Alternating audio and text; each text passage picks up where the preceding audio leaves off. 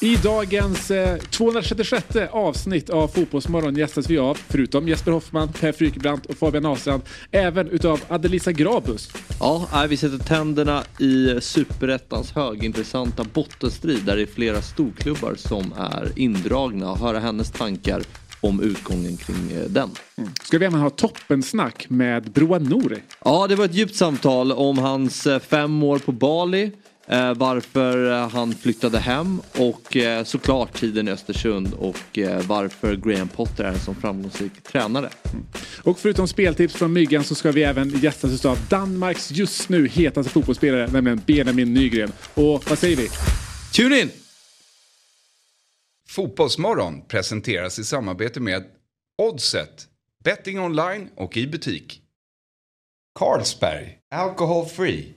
What's your game day ritual?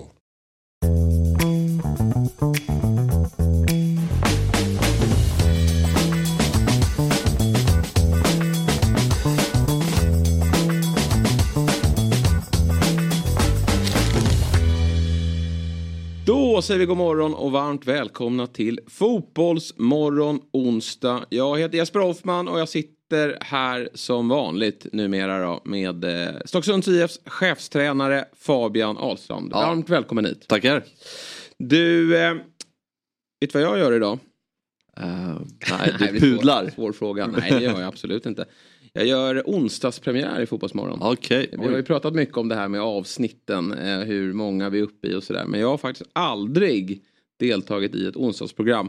Och det har ju också lett då till att jag har faktiskt aldrig fått sitta i ett eh, fotbollsmorgon tillsammans med Per Fryke Brandt. Precis. Vilket precis. är väldigt glädjande Ja. att få göra det. För vi har ju suttit i en studio tillsammans förut. Eh, Vi eh, satt ju många gånger i eh, Big Six-studion, alltså vårt webb-tv-program som sedermera blev podcast rörande Premier League. Men nu blir det fotbollsmorgon. Det jag sett fram emot. Ja, samma här. Jag vill också se det med egna ögon. Men Ja. vi måste tyvärr punktera den här Har vi- bubblan. har vi vi, har, vi har en onsdag i början. Nej men det kan inte varit onsdag då. Ja, jag ska dubbelkolla här. Eh, Frykebrand är inte välkommen när det inte är onsdagar. Nej, Nej men jag bara känner att jag aldrig varit Det här är ganska, en säga, jag ska, jag ska, vi, vi kollar upp det här i pausen, men Ja. vi, har, vi har kört en gång. Sitter och förut. avslöjar hela Ja. mitt intro här nu. Och vi har, men vi har suttit tillsammans alltså. Ja, det har vi gjort. Det har vi gjort. Vi kan ju be en tittare annars ta upp det. Det går ju de... Ja, ja. Vi hade ju med... Det brukar vara det- Fabbe som rättar mig men du får Exakt. gärna rätta mig också. det- Men- det- vi satt ju med Romina, numera minister. Just det, det gjorde vi ja. Det var ju eh, och, eh, så det var, det, men det var ett tag sedan. Det var ju innan valet. Det, det var ju verkligen i början. Och vi lyfte ju fram Romina. Exakt, Och gick ju och exakt. blev minister sen. Ja. Men då Det var då vi det var en insåg- onsdag. Det är ju frågan då. Det är frågan. Men då, Ja. det var då vi insåg hur stor makt vi har. Ja, verkligen. Eh, att vi, vi, kan, vi kan förändra Ja. samhället. Jag har absolut inte glömt bort det avsnittet. Men jag var så exalterad över att få sitta här med dig att jag, jag glömde bort Ja, det. samma här. Jag hade Ja. också glömt bort det. Ja. Eh, då så, 266 avsnittet Mm. av Fotbollsmorgon. Jag hoppas att vi har rätt på siffrorna, att du inte rättar mig där. Nej. Eh, temafri dag. Vill du eh, bestämma någon dag? För den här dagen? Knura på det då. Ja, jag funderar på det. Får vi ja. återkomma lite senare. Komma på någonting gemensamt kanske. Ja, kanske att vi gör det. Om en timme spelar ju Sverige den sista gruppspelsmatchen. Mm. Man sitter ju inte här och är jättespänd då eftersom... Nej, det är inte på nålar. Nej, det är inte på nålar. Det mesta är ju avgjort. Det blir USA eh, om man inte klappar ihop fullständigt Mm. idag då. Eh, man möter ju alltså Argentina här då, och det är, har ju, funderingarna har ju varit kring startelvan. Mm.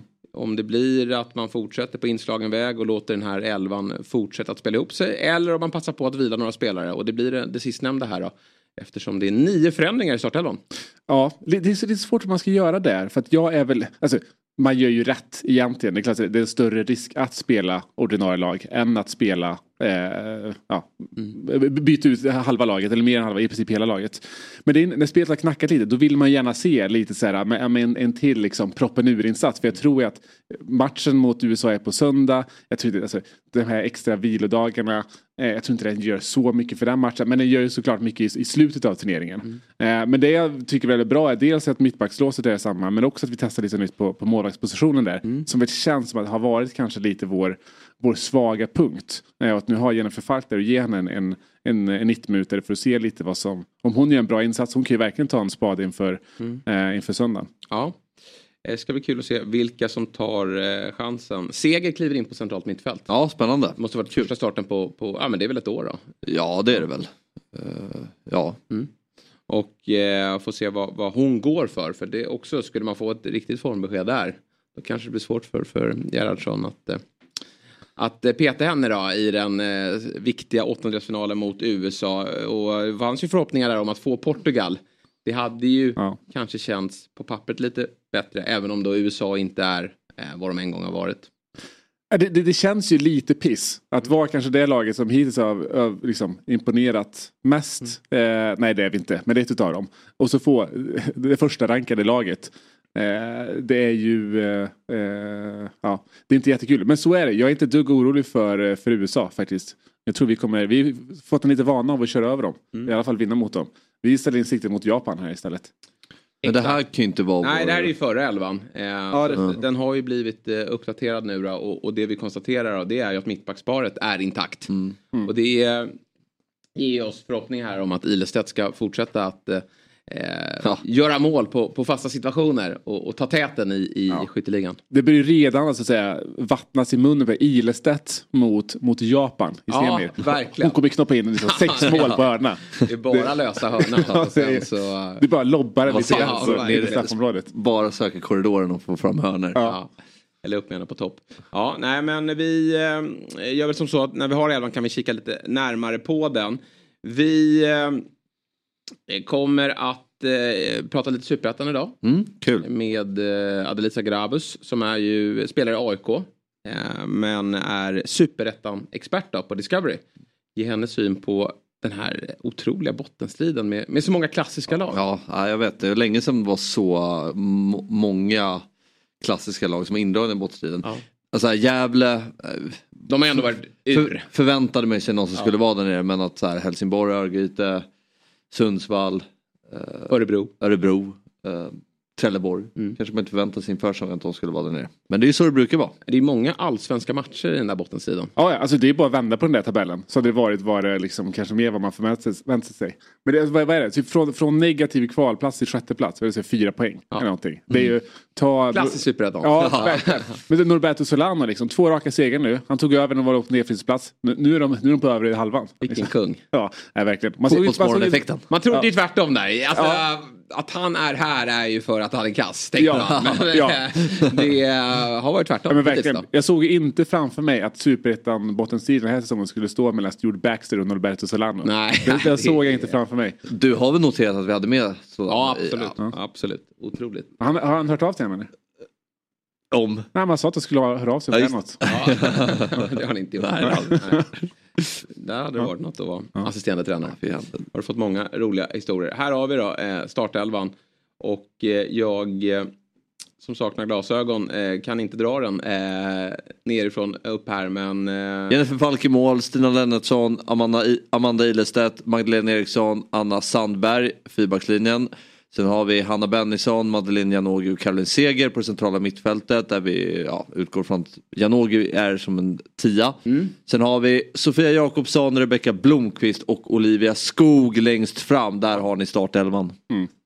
Det, det var ju mycket snack inför eh, turneringen här om att säga, eh, just kring att man hade valt kanske några som fått ett mästerskap lite för mycket men att det gör inte så mycket för att det här spelare 21, 22, 23. De kommer ändå inte spela. Ja, men nu ser jag att ja, de här liksom lite mer unga talangerna hade ju fått chansen i det här mästerskapet och spelat ganska mycket istället för en Sofia Jakobsson till exempel.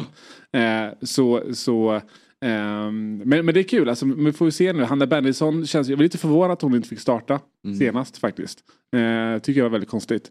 Eh, hoppas hon tar chansen. För det var kul om hon kan slå sig in i, i, i laget. Hon är man ju mest spänd på att se den här matchen, kanske tillsammans med Janogy och eh, tycker jag. Ja. Och även om då, det är, det är svårt att göra för många förändringar i ett lag som slog eh, Italien med 5-0. Alltså, det är nog ganska många av dem som startar mot USA. Men däremot så kan man ju visa här idag hur mycket speltid man ska ha Exakt. i en eh, kommande match. Eller om det dyker upp skador då. Så det, det, finns, det är mycket på spel. Och bara att få en mästerskapsmatch. Så att de här, jag, jag, jag gillar att Gerhardsson gör många förändringar. Det borde, även Ja, det ska han göra. det är liksom det är långt kvar till, till åttondelsfinalen men, men det här ger möjlighet för att skapa ytterligare konkurrens. Ja men det här är en sån här grej man kommer sitta med i facit i hand om vi förlorar åttondelsfinalen. Att så här, ja men varför spelade vi inte in det, om vi förlorar, nu kommer det vara, varför spelade vi inte in det laget vi ska spela i åttondelsfinalen?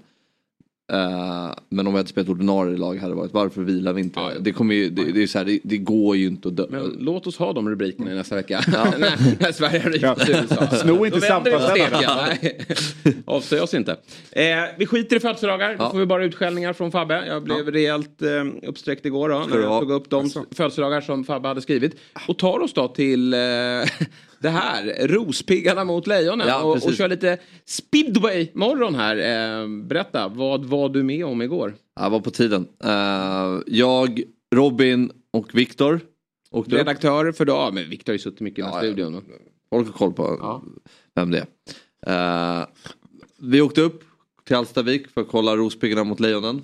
Uh, viktig match. Uh, Rospiggarna har ju brottats av lite ekonomiska problem. Så det är viktigt att Är det publiken någon dyker upp. speedwayklubb som inte Ja. har brottats med ekonomiska problem? Det finns någon stormrik. Jag fattar inte hur de går runt. Nej, bara, nej. de har så här, eh, 20 kontakterade förare på liksom eh, 50 Var papp det inte. Lejonen som har fått in Saudiägare nu? är det Monstermaskiner. Nya speedway-tourer. det, var bra, Det är det, var bra, det var bra tryck på dem igår. Exakt, Bra olja de har. ja, okej, men, men eh, tufft ekonomiskt. Så um, senast jag var där, jag har bara varit på två matcher. Två segrar, de vann ju igår, de vann senast jag var där. Så jag är 100% i Brospiggarna. Men igår var det 2500 tror jag. Förra matchen var det 1500 så det var eh, bra uppslutning igår. Fabbe-effekten. Och vad Fabbe-effekten. kostade en, en matchbiljett? Ja men 190.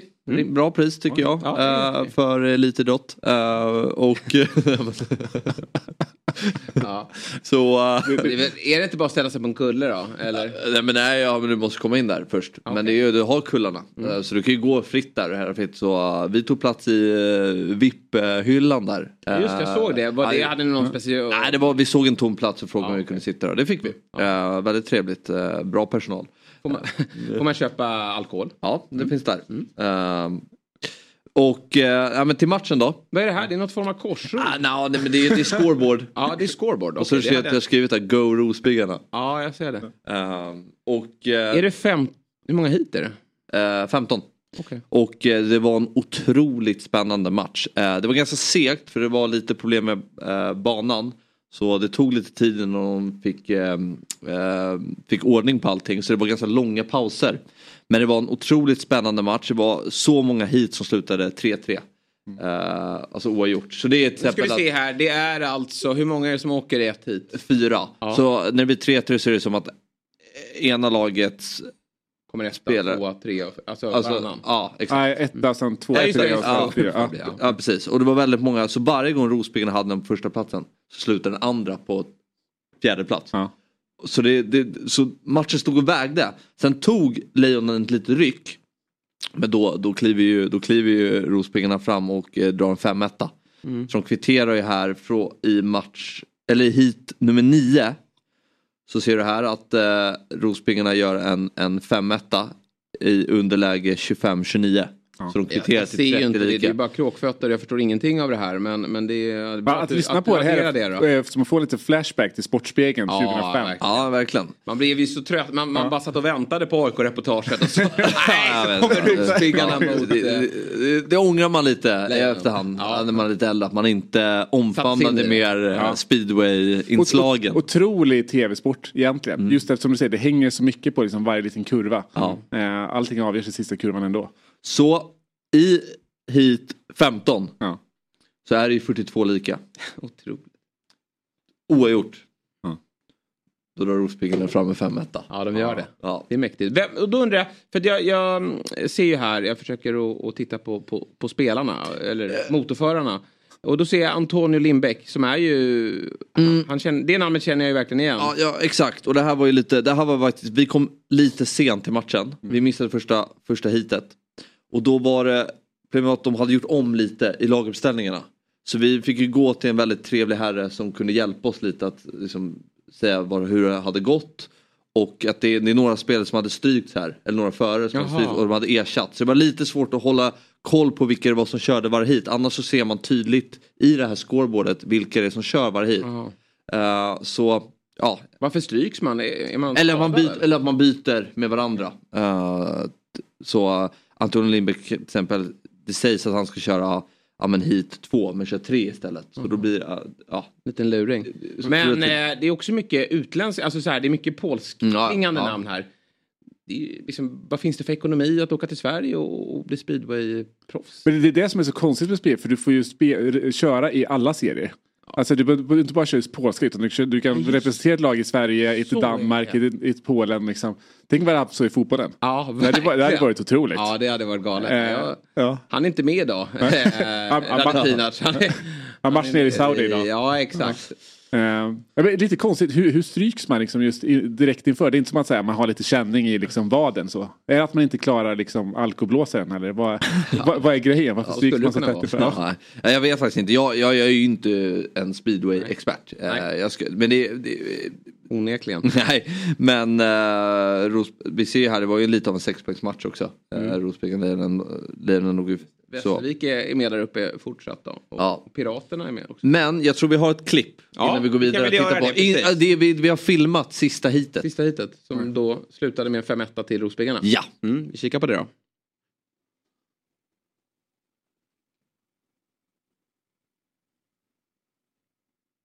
Sista loppet nu. Oj, där var det en annan. Oavgjort. 42-42 i det sista. Dimitri Berger och eh, Huckenbeck.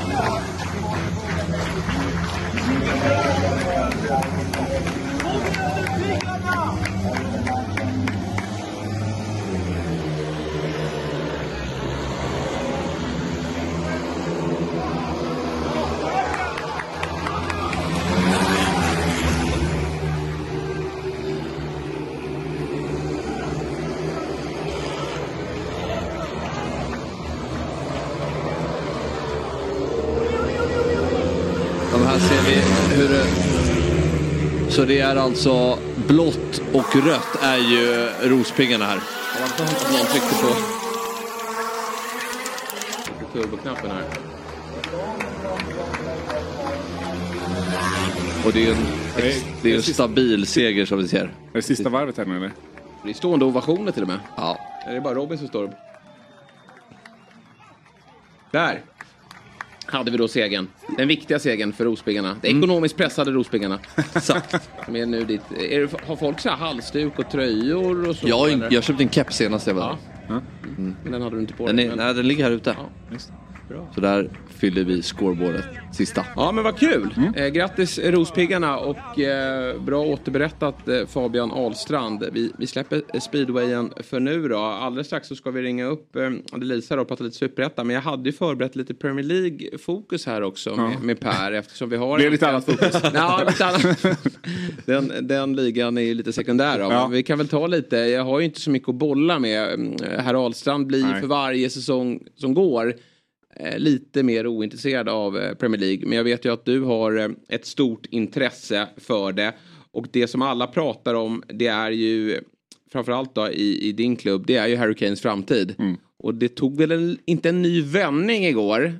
Men lite nya uppgifter fick man väl ändå. Ja men lite, jag skulle vilja säga att eh, vi satt här förra veckan och pratade om, då kändes det som en 95-5 för att, han, att eh, Kane lämnar för Bayern München. Nu har väl de oddsen gått ner lite grann. Eh, snacket inifrån klubben och de nära det har ju varit väldigt mycket nu på sistone att säga att det, det blir en försäljning. Det är liksom eh, eh, fattat fr- från, från styrelsen och man liksom vill få till det här för, för alla skulle jag tro att så som läget ser ut nu, jag menar alla i den här soppan vill ha en affär egentligen. Eh, men det verkar ju som att eh, det är lite svårt för, för Bayern München att hosta upp de här pengarna.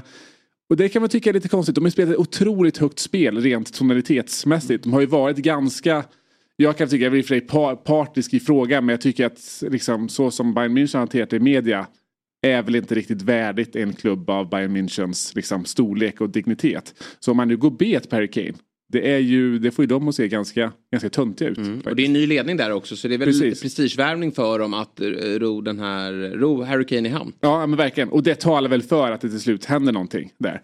Eh, men, men igår så kom väl lite nya uppgifter kring att dels man är ganska långt ifrån varandra och dels att Harry Kane eh, är väl Eh, man, ser, man ser ju deadlines, så klubben i sig ser en försäljningsdeadline i slutet på veckan. Harry Kane ser en deadline kring att ja, spela första matchen, ja, men då är jag ju med från eh, resten Han verkar inte vara så desperat att dra. Han vet Nej. ju också att han har ett utgående kontrakt och att det kan nog bli ganska bra nästa sommar också. Exakt. Men eh, det är nog eh, klokt av honom att eh, sätta den deadlinen och, och då blir det ju för Bayern München här att börja eh, se till att hosta fram pengarna. Ja men verkligen. Alltså den minst stressade här är ju Harry Kane. För honom blir det ju bra oavsett. Ja. Liksom. Antingen går han till Bayern München nu eh, eller så får han ett eh, superbra erbjudande någon annanstans ifrån om ett år. Eh, eller så får han ännu mer, pengar från, från, från Tottenham om det skulle visa sig att det, det funkar bra. Mm. Vad känner Mange. du som supporter då eh, kring det här? För det är ju att, att, att sälja honom är ju pengar in och pengar in är alltid viktigt för att stärka eh, truppen i övrigt och, och kanske med vetskapen om att han Ja men han försvinner ju förmodligen av nästa sommar. Mm. Ni har dessutom ersättaren på plats sedan en sommar tillbaka i, i brassen Richarlison Mm. som Ja men det är Han är ju för dålig. Nej, är det är han Ja, inte. han- Jag gillar jo, honom. han är han, är Vem- ska starta ett lag som, alltså vi får ju, inte, det är ju inte med all respekt Real Madrid här som kan plocka vilken nia som helst. Alltså det är Brasiliens stjärnfallare, alltså nummer nio.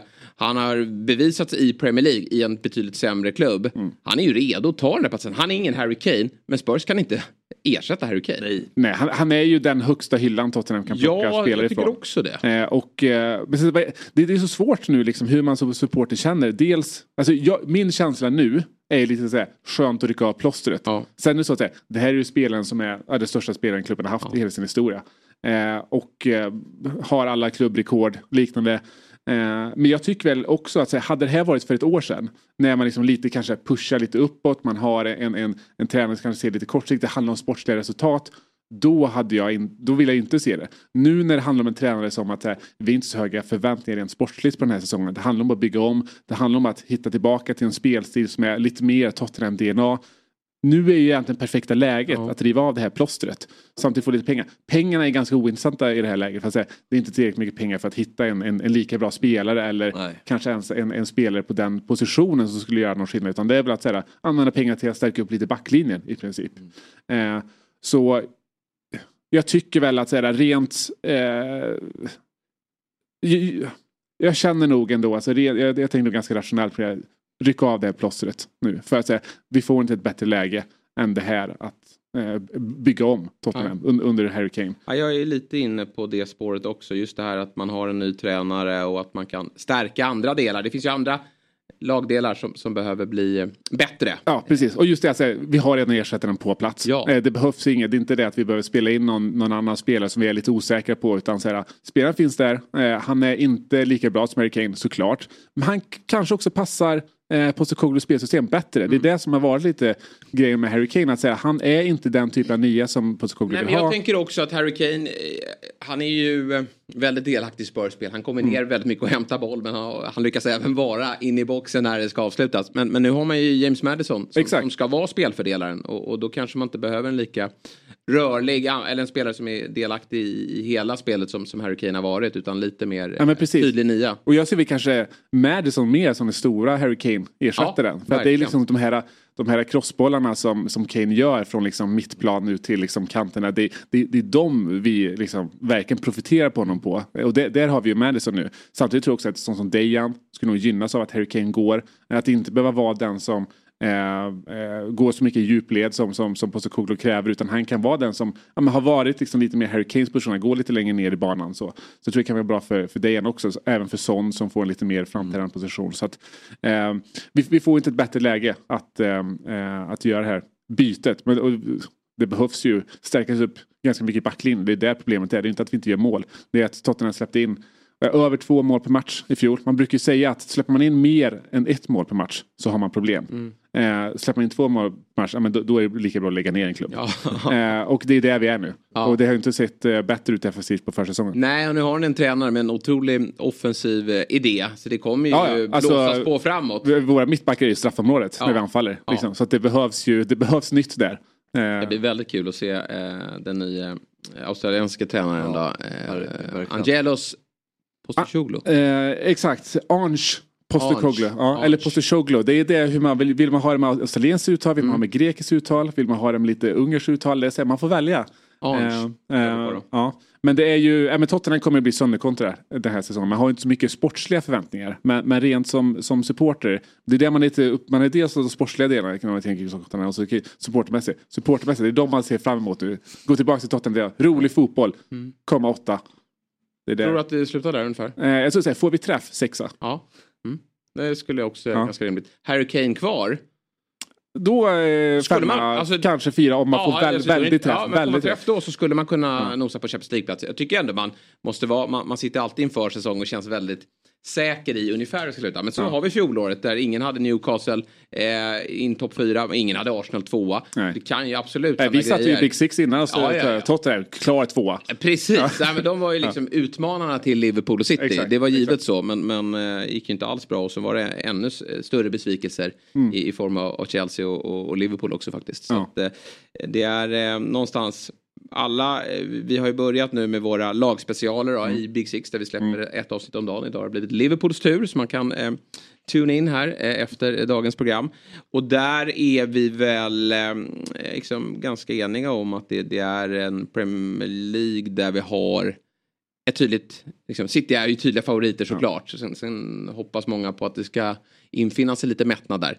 Men sen så är det ju många uppstickarlag som har, eh, liksom, vi har Newcastle där som fortsatt kommer vara jobbiga.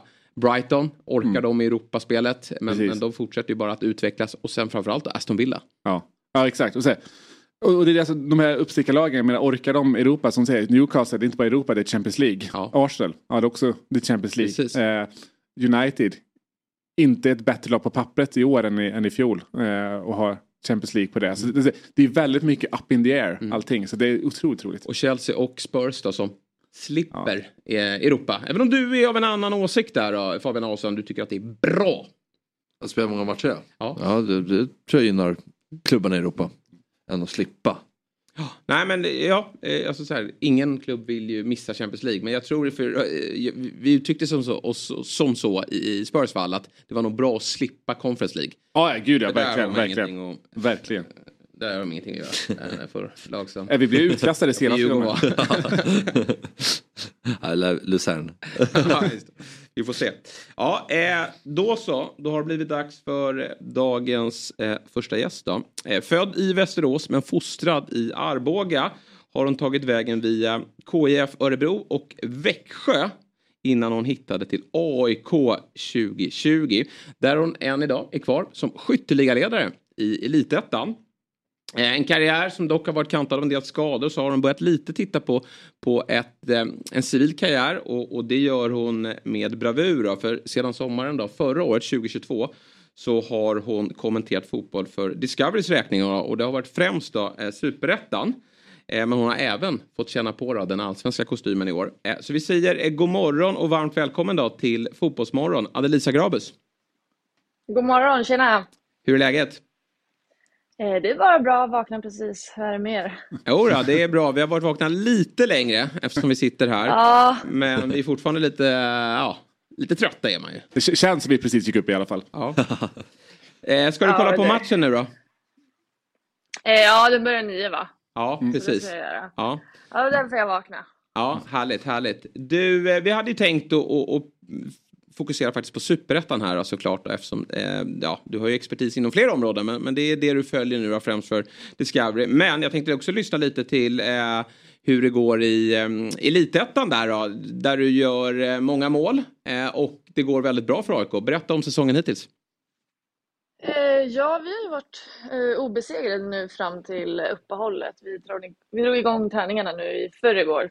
Eh, och eh, hade match igår, träningsmatch. Eh, nej men så det går skitbra och det är asroligt att spela och vi satsar väl på att gå upp till allsvenskan igen så fotboll är roligt igen skulle jag säga. Ja vad kul för det var ju tungt fjolår då, där, där eh, AIK åkte ur. Eh, men ni lyckas ändå så här, ja nu, nu är ni inte tillbaka då i, i, i damallsvenskan ännu men, men eh, hittills har ni verkligen studsat tillbaka. Vad, vad är det som gör att ni, ni är så mycket bättre i år då, förutom det uppenbara att det är en, det är en sämre serie?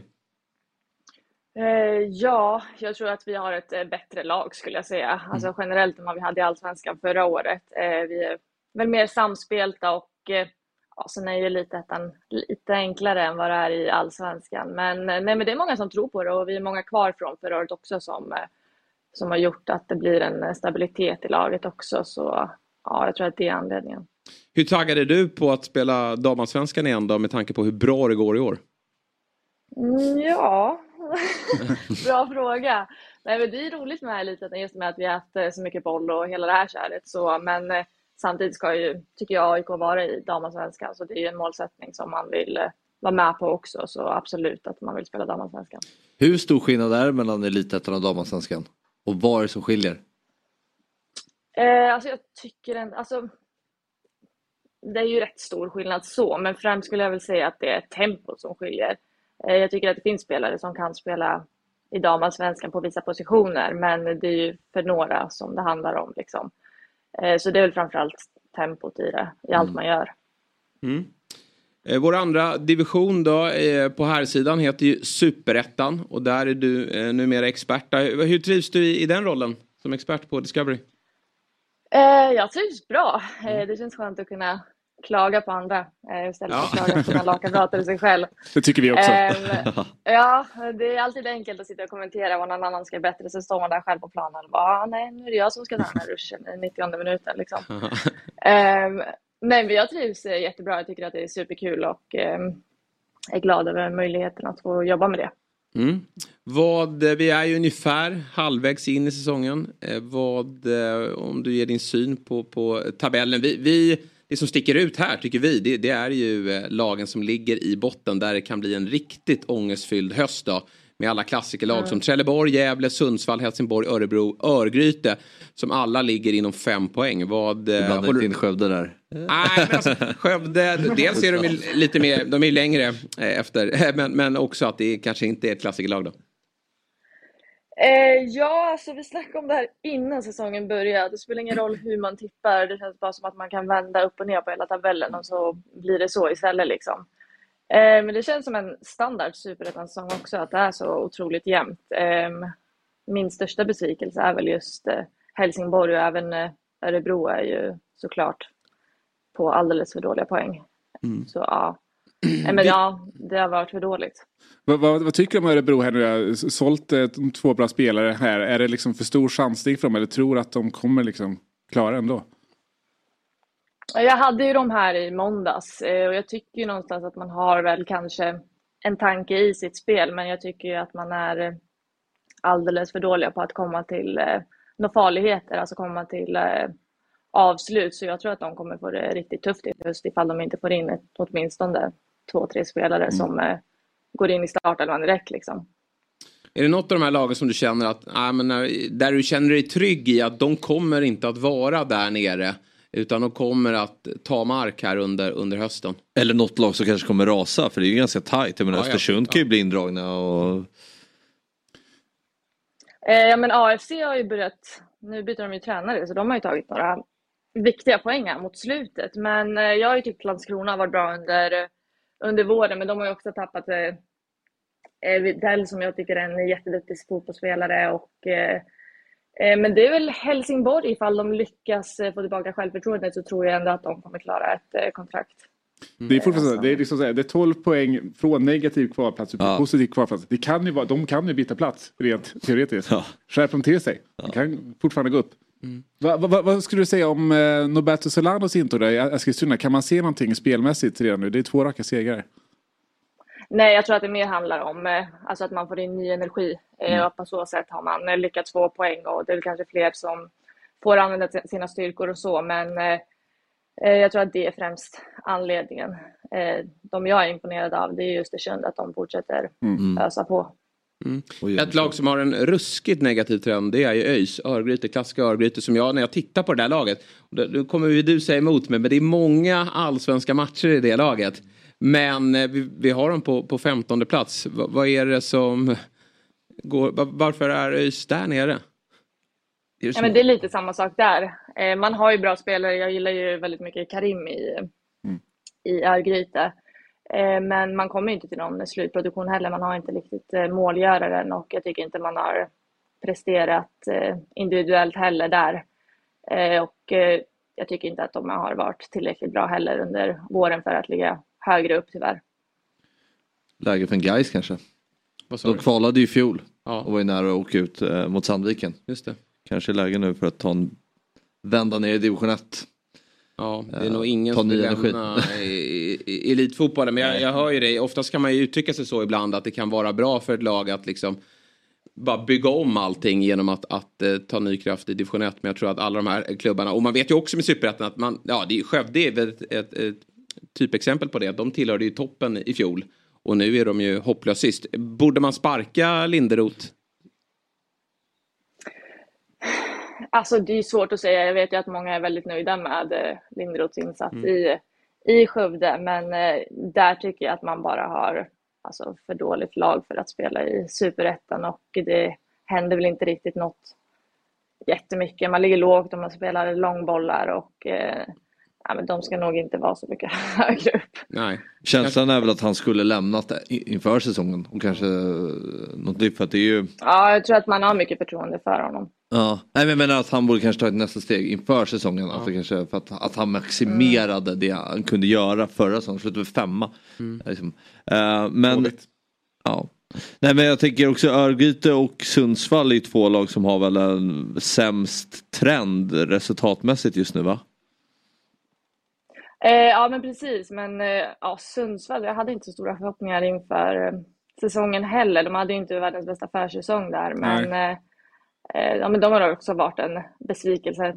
Eh, tycker jag också. Man borde ändå kunna klara bättre när man ändå kommer från allsvenskan. Men ja, det är så det ser ut. Det är tuffare än vad man tror att spela i superettan. Inte bara glida ner och tro att man vinner hela serien. Ja, den är ju så sjuk den här serien. För vi har sett många lag från division 1 bara springa igenom den. Och så har vi många, sett många lag från allsvenskan bara falla igenom Ja, den. Så den är, den är så otäck. Och, och jag, jag förstår för er experter då som inför säsongen ska, ska ge er eh, profetia. Det är väldigt svårt att veta hur, hur, hur saker och ting ska gå. Ja, Det vi- är helt omöjligt. Ja, eh, det är lite skönt också. Kan man, kan man sticka ut hakan Ja. och bara luta sig mot det efteråt också. Att nej, det är helt omöjligt. Så det, det är inte fel på min, eh, min, min expertis. Däremot toppstriden då, om vi tar oss till den. Eh, Utsikten Västerås, är det klart att de spelar Allsvenskan nästa år? Alltså det är ju ett stort glapp. Alltså det är 10 poäng ner till eh, femte plats. Och alltså för mig så tycker jag att det ska krävas otroligt mycket att båda lagen ska börja torska massa matcher och resten vinna. Eh, Och jag tycker att man har spelat tillräckligt bra för att kliva upp. Eh, Så det ska krävas skador och massa för att det ska falla. Men eh, jag tror att det kommer se ut så. Mm. Sen för alla oss då som jobbar in ett Göteborgsderby i, i kvalet. Guys mot eh, IFK Göteborg här. Det hade ju varit något alldeles extra. Men eh, det verkar som att Guys har eh, tappat lite tempo här eh, sedan omstarten. Ja, de har inte vunnit nu tror jag sedan i 11 juni mot ÖSK hemma där.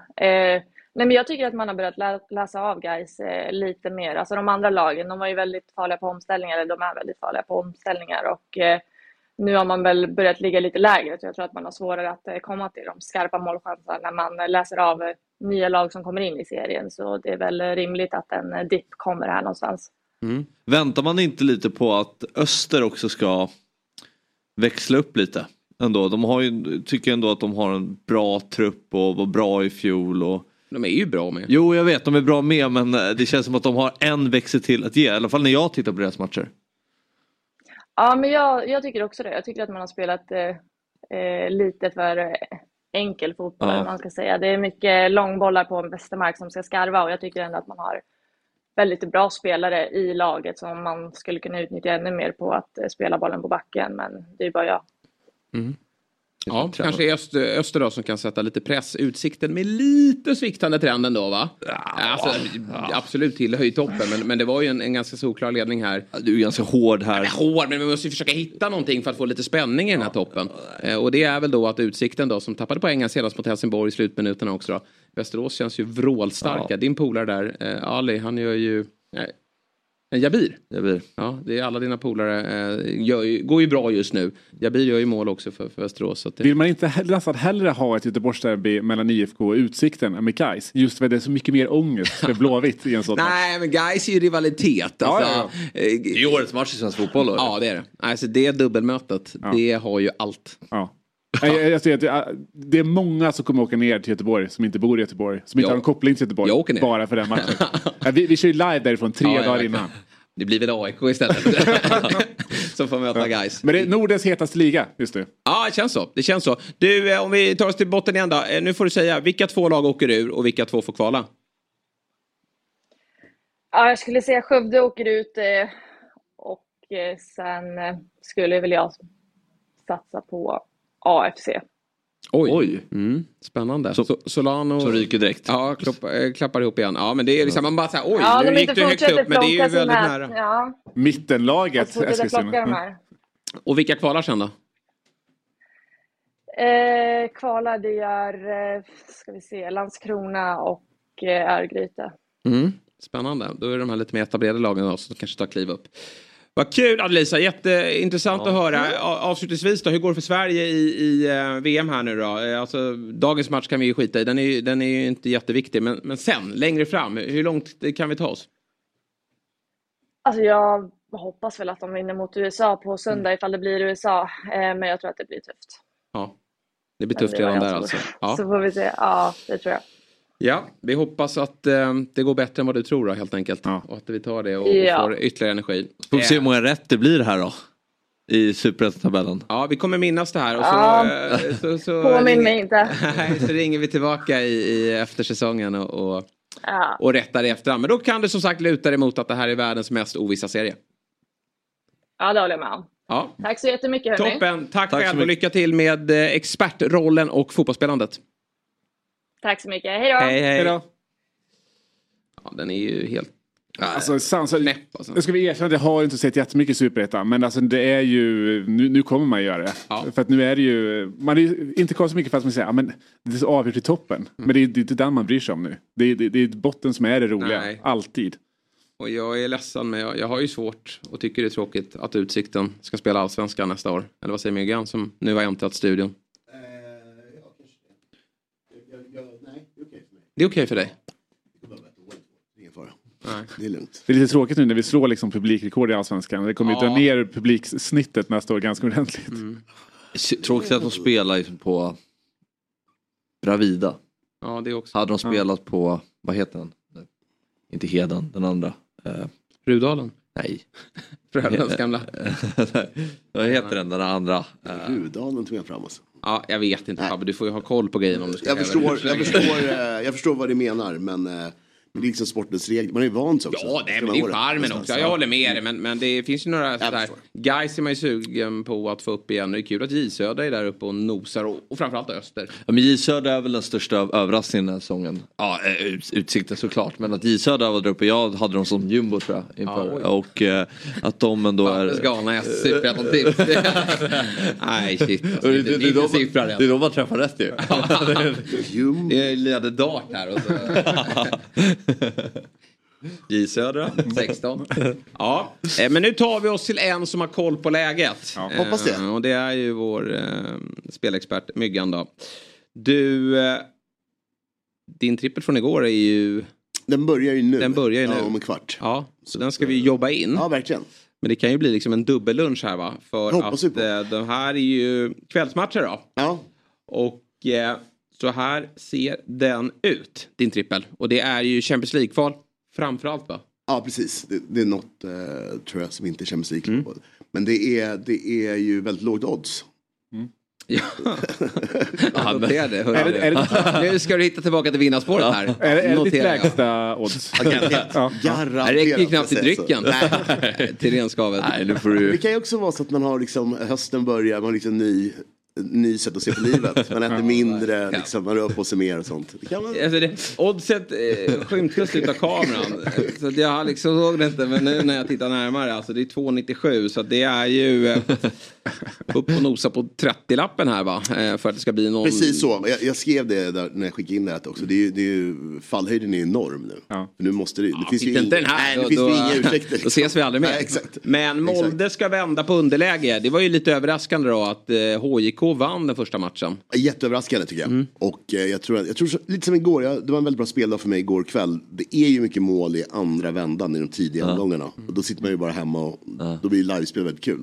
Och jag kände det att det kommer ju mycket, mål ikväll igen. Molde gör två mål, tror jag är lugnt. Köpenhamn leder ju 2-0 här. Mm. Och jag tror att de är så pass mycket bättre att de ändå gör två mål. Det måste de ju. Och lite samma tänk i sista matchen att Genk är ett bättre lag än Servette. Det står 1-1 efter första. Och eh, Servette är inte vad det var på, Nej. ja men var det, var det liksom Mats, var länge var det sedan. Magn, Mats Magn, ja, det var Ja. liksom någon, Vilka typ har vi Robert? Prytz. Ja, Det, form av... det var inte där Håkan Mild var va? Eller? Han kan nog ha varit i Servette, du säger det. Kan vi inte kolla upp det? Ja, Eller var det det. Grasshopper Ja. på... på... Nej, Gren var ju... Jag, jag, Ja, jag tror att vi har eh, var i Servette Håkan? Mild i, i Servette. Eh, Wikipedia upp Milds karriär. Då ska vi se om vi har eh, Servetten. Ja, du ser. Så kollas. Snyggt. Nej, Snyggt. ja, det var bra gjort. Ja, Ja, jag är tillbaka. Jag är tillbaka. Ja, tillbaka Ja. efter alla faktafel man har haft den semestern. Men- finaste klubbnamnet i, i fotbolls-Europa i alla fall. Servette, Ja. tycker jag. Verkligen. ja, det kan det nog vara. Mm. Servette Genève. De vann alltså. Schweiziska ligan. Nej, det gjorde Young. Boys. Det gjorde Ja. Young Boys. Jag tror att det här kan vara, det här kan vara eh, Ja, det här är ju conference, precis, det här är liksom. konferensen. Mm, mm, Ja, ja, ja. Du, du, du, Nu- nu, nu följer jag upp med ja, ett exakt, jävla exakt. fel. Men, ja, hur ska jag kolla på vad Servette spelar? Jag visste att det inte är Champions League såklart, men nu, nu var det ju rörigt här. Mm, och så det här galna slutet i Belgien den Just. Just. Hur som helst. Ja, 297. 97. Ja. Härligt att se en 30 feg spänn. Ja. Eh, och så har vi en, en hunka Ja. och, och sparar upp oss inför uh, Stryktipset i helgen med, med massa Championship. Ja, okej. det ska bli kul. Det ska vi Ja. verkligen. Äntligen. Kanske lite andelar och sånt, vem vet? Mm. Vem vet vad, vad framtiden har. Så att eh, kolla in det där, Fabians farsa vet hur man gör. Ja, man är besviken över oddset här. Ja, man får verkligen skramla för att få ihop. Eh, men vi Nej, gör... inte. Bygga kassa. Ja, bygga Ja, kassan, det kan- det verkligen. kan nog Ja, behövas. det är alltid skönt att vinna. Jätteviktigt. Eller hur? Knyta Ja, näven och, och gå till sängs och Ja. vara stolt. Jag vet ju Fabian, allting gör man är tränare. Upp och vinna tåget igen. Ja, så är det. Eh, det är ju som så att Oddset är en produkt av Svenska Spel, Sport och Casino AB. Åldersgränsen är 18 år och eh, upplever man problem med sitt spelande så finns stödlinjen.se till hands. Vi ska göra som så att vi tar en kortare reklampaus och när vi är tillbaka då har vi en gäst här i form av Broa Nouri, så häng med då. Vi gör detta avsnitt i samarbete med Telia och det vi gillar med Telia är att du kan samla alla sporter på ett ställe. Och då menar vi verkligen alla. Smart va? I höst kan du exempelvis kolla när Premier League och Champions League drar igång samtidigt som du kan följa slutspurten i Allsvenskan och gruppspelet i SHL. I den grymma appen Telia Play kan du se alla sporter och matcher live eller i efterhand om du skulle vilja. Och skulle du vilja råka vila lite från sportvärlden kan du självklart följa alla filmer och serier som finns hos Viaplay, Simor och Telia. Du kan också lägga till allt från HBO Max utan extra kostnad. Jajamän, och priset då? Jo, det kostar bara 649 kronor i månaden vilket gör att du sparar över 500 kronor jämfört med att köpa tjänsterna separat. Så, att samla sporten smartare och dessutom spara en massa pengar. Ja, det är Telia. Ett poddtips från Podplay. I fallen jag aldrig glömmer djupdyker Hasse Aro i arbetet bakom några av Sveriges mest uppseendeväckande brottsutredningar. Går vi in med hemlig telefonavlyssning och, och då upplever vi att vi får en total förändring av hans beteende. Vad är det som händer nu? Vem är det som läcker? Och så säger han att jag är kriminell, jag har varit kriminell i hela mitt liv men att mörda ett barn, där går min gräns. Nya säsongen av Fallen jag aldrig glömmer på Podplay. Då är vi tillbaka i Fotbollsmorgon och eh, i detta nu så får vi eh, väldigt fint besök i form av Broa Nouri. Tack så mycket. Du, varmt välkommen till Fotbollsmorgon och eh, varmt eh, välkommen tillbaka till Sverige.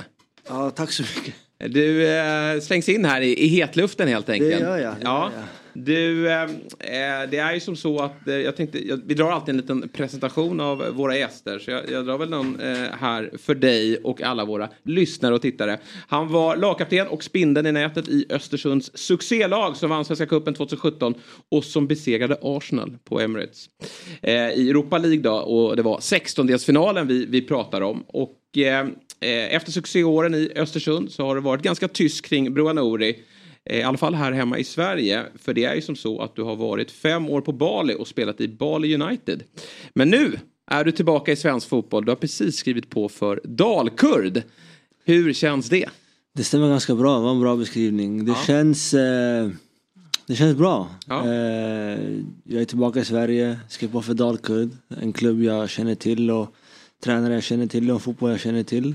Eh, det var väl eh, ganska hektiskt. Det skedde allting ganska så snabbt där från, från Bali till Dalkurd och eh, ska jag vara helt ärlig så är det en, en anpassningsperiod tillbaka till i alla fall Sverige om man säger så. Ja, jag förstår det. Eh, Vad fick dig att fatta beslutet att nu, nu vänder jag hem till Sverige och, och spelar fotboll här? Om jag ska vara helt ärlig så var det inte, det var inte mitt beslut. Utan det var, det var klubbens beslut om att gå skilda vägar. Eh, och sen eh, så skedde det under en period då transferfönstret i Indonesien stängde. Eh, så jag hade egentligen ingen annanstans att ta vägen i Indonesien. Mm. och sen förstår jag hur branschen fungerar. Man är 36 och ett halvt år gammal. Man är väl inte den hetaste personen på marknaden. Eh, men kollade runt lite i Sverige. Och sen av de alternativ som fanns så var Dalkurd bäst utefter vad jag söker. Va- Men vad var anledningen till att de inte ville ha kvar dig? Om jag ska vara helt ärlig så är den officiella anledningen att eh, vår första match på, eh, på säsongen för ligan, i ligan som startade, första matchen så står det 0-0. Eh, vi trycker på och eh, i andra halvlek så ska jag slå en, ska jag slå en bakåtpassning till målvakten. Den blir för kort, de tar den, de gör mål och eh, då sa de att eh, det var det som var anledningen till att de eh, ville gå skilda vägar och för att jag inte bad om ursäkt till gruppen för mitt För, misstag. för ett misstag? För misstaget. Det, ja exakt. Det, Hur reagerar du på det? Hur, hur svarar man ens på något Ja. sånt där Ja. egentligen? Alltså fotboll, först och främst man gör misstag, saker och ting händer. Ska man be om ursäkt för varje misstag? Så jag svarade egentligen ingenting på det. Nej.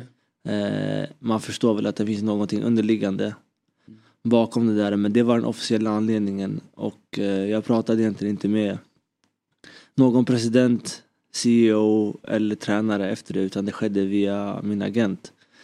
Så när de sa sådär så förstod jag att det var någonting annat. Eh, om det har med, med ålder, att de ville ha en ny spelare. Eh, en bättre spelare enligt vad de tycker så jag sa bara okej men då löser vi eh, alltså the termination of the contract och sen eh, går vi vidare för att jag kommer inte behöva säga, jag, behöver, alltså jag vill inte behöva säga att eh, folk gör misstag och man kanske inte behöver be om ursäkt för alla misstag man gör och så vidare. Nej, inte i din roll heller som är då som sagt spindeln i näten. Du är ju en, en, en spelfördelare och, och man måste kunna ha lite utrymme för just eh, precis. kan jag Nej, men sen det har var- väl du knutit starka band kan jag tänka mig till klubben. Det var väl alltså, det var det som var det sjuka, att det var efter fem år Jag var där i fem år, jag var i två ligatitlar där och det här var första matchen på säsongen liksom. Du vet. Vi hade precis veckan innan också haft en cupmatch där vi hade kvalat oss in till Asiatiska Champions League. Och då hade det gått bra och då hade man blivit hyllad och sen veckan efter gör man ett misstag och så Så ja, egentligen så, så bryter de kontraktet på grund av det misstaget och då, du vet hela världen vänds upp och ner. Vi hade byggt ett, alltså, ett liv där i Bali och min son är född på Bali. Och Det var rätt eh, det var traumatiskt på det sättet det skedde. Och att man inte, det kändes ganska planerat att man inte, alltså det var två dagar innan fönstret stängde och det finns en kvot för, för vad heter det, för utländska spelare och eh, de platserna var tagna. Och jag hade helt ärligt kanske inte varit så jättesugen på att gå till massa andra städer eller lag i Indonesien. Fast det finns en del men Bali var Bali och vi hade, det var vårt hem. Ja, jag förstår det. Så blir, eh, Men hur, var, hur var din relation till klubben innan? För jag tänker, även om du har liksom en stark relation varit där länge, men alltså att göra en sån här sak. Vad, vad, Det var alltså aldrig varit några problem, aldrig funnits några klagomål, aldrig eh, haft något som helst otalt med någon eller några personer i klubben, haft en bra relation med både tränare och eh, alltså president, sportchef och så vidare. Känt mig omtyckt, behövd och eh, så det var rätt så här. Eh, Alltså jag kan gå in på detaljer på massa andra saker också. Det var bara rätt, det var helt sjukt hela grejen. Alltså. Jag förstår. Eh, jobbigt såklart. Fick de in en ersättare där? Grejen var, efter? ja, Så precis. att det blir, eh, Vi hade match på lördagen. Det här skedde på lördagen. På söndagen, eh, på söndagen så, eller direkt efter matchen så kommer tränaren till mig och säger att det här är inga problem, upp med huvudet, sånt händer liksom. Och sen eh, har vi match veckan efter på lördagen. Och sen på onsdagen där, onsdag, torsdag, då finns det så här taktiska träningar där man ser hur ska jag spela på nästkommande motstånd och då är jag i startuppställningen. Men sen på torsdag är jag inte det på träningen och då går jag fram till tränaren och frågar om jag inte ska spela och då säger han eh, No because you were very bad last game. Och då svarar jag bara okej okay, det är väl sånt som händer. Man får sitta på bänken och försöka väckas ur det. Och sen på lördagen spelar vi och sen eh, på söndagen så får jag eh, beskedet och sen på måndagen är den här nya spelaren redan där. Och det är en utländsk spelare som då har kommit. Då får jag reda på att han redan veckan innan, då vill säga söndagen efter matchen, fått ett samtal om att han ska komma till Bali och ersätta mig och att han redan varit i Bali sen onsdagen då, där jag var i den här mm. uppställningen på träningen. Så du vet, ja. man kan dra sina egna slutsatser av det där. Ja, mm, jag fattar. Och, och är man så här fördomsfull så kan man ju tänka sig att det i den typen av del av världen och, och, i en annan kultur att det kan vara. Vi har ju sett många spelare som har åkt just på ett sånt typ av äventyr och vänder hem efter ett halvår eller bara några månader. Men du, du har ju varit där i, i, fem år. Hur har du upplevt den tiden? Hur har det liksom alltså först, hur har det funkat? Som du säger, jag har varit så ganska stolt över att ha överlevt ja. den typ av kultur och världsområde där borta. De byter ju utländska spelare som, och inhemska spelare för den delen som, eh, som kalsonger ja. egentligen. Så jag har haft en, en jävla massa eh, utländska spelare som har fått komma och gå. Eh, men jag har varit kvar där ganska länge, uppenbarligen för att man har gjort någonting rätt. Men du vet, nu var det min tur. Mm. Och eh, det, jag är 36 år, det har aldrig hänt innan. Eh, så det var Bar United okej, okay, men du vet att ryckas bort från sitt hem där man byggt upp eh, och man har, en, man, man har sin, sin vardag och man har sina planer, man har sin framtid och så vidare. Och sen är man Sen är man tvungen att göra någonting annat och vi kunde stanna kvar där. Eh, vi kunde varit kvar där. Jag har ett år kvar på kontraktet. Men eh, i slutändan vill man ha ett syfte och mm. spela fotboll och ska jag sitta där i ett år och inte göra någonting. Jag är inte 25 liksom. Mm. Jag vill fortfarande spela fotboll. Ja. Så beslutet var då att okej okay, men då spelar vi lite fotboll. Nu gjorde du ett misstag men det kan man göra om man är ur form eller i, i sin absoluta toppform. Men hur känner du dig som fotbollsspelare? Jag känner mig alltså både fräsch, pigg och ja. motiverad. Jag eh, precis kommit från en försäsong, spelat väldigt massa träningsmatcher och cupmatcher och Egentligen, alltså det är väl nu man ska vara i form. Som jag inte är i form nu så vet jag inte när jag skulle kunna vara det. Nej. Om vi tar det från början då. Hur kommer det sig efter eh, succéåren får man ju säga här i, i, i Sverige, Östersund. Jag har ju följt din, din resa med tanke på att du har en, en AIK-bakgrund och, och sen har du varit runt i olika klubbar och sen så eh, tog du ju steget upp med Östersund och, och eh, man får ju verkligen säga att ni, ni tog allsvenskan och, och, nästan Europa med storm.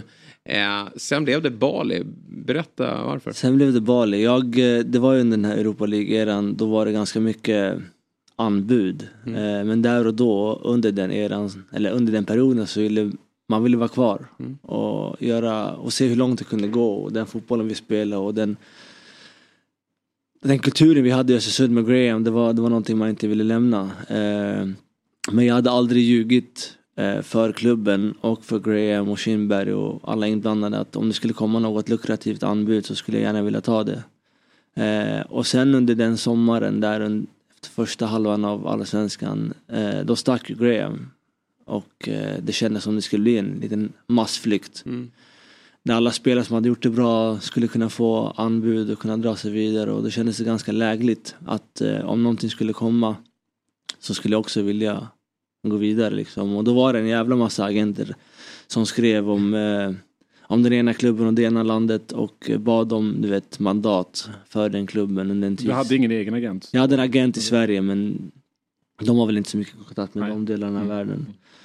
Eh, så var det en agent som skrev på Instagram, eh, är du sugen på att skriva i Indonesien eller är du sugen på att spela i Indonesien? Och du vet, jag sa inte nej till någonting för jag visste att alltså, från att någon person frågar till att det ska bli någonting, eh, du vet jag håller mina dörrar öppna så jag sa absolut. Sen samma kväll så hade han skickat ett kontrakt från Bali. Och den här personen då, agenten, hade jag aldrig träffat, aldrig hört talas om. Så man vet inte vad som är äkta och egentligen mm. inte. Eh, så vi pratade egentligen på Facetime dagen efter och jag såg att det var legit. Jag såg att eh, killen var seriös. Det var på en söndag, måndagen pratade vi och onsdagen är jag i Singapore för att få mitt visum till. Indonesien och sen på lördagen spelar jag match egentligen. Så lika snabbt som det gick dit, lika snabbt gick det hem. Ja. Indonesien är mer lukrativ liga än, än, än allsvenskan?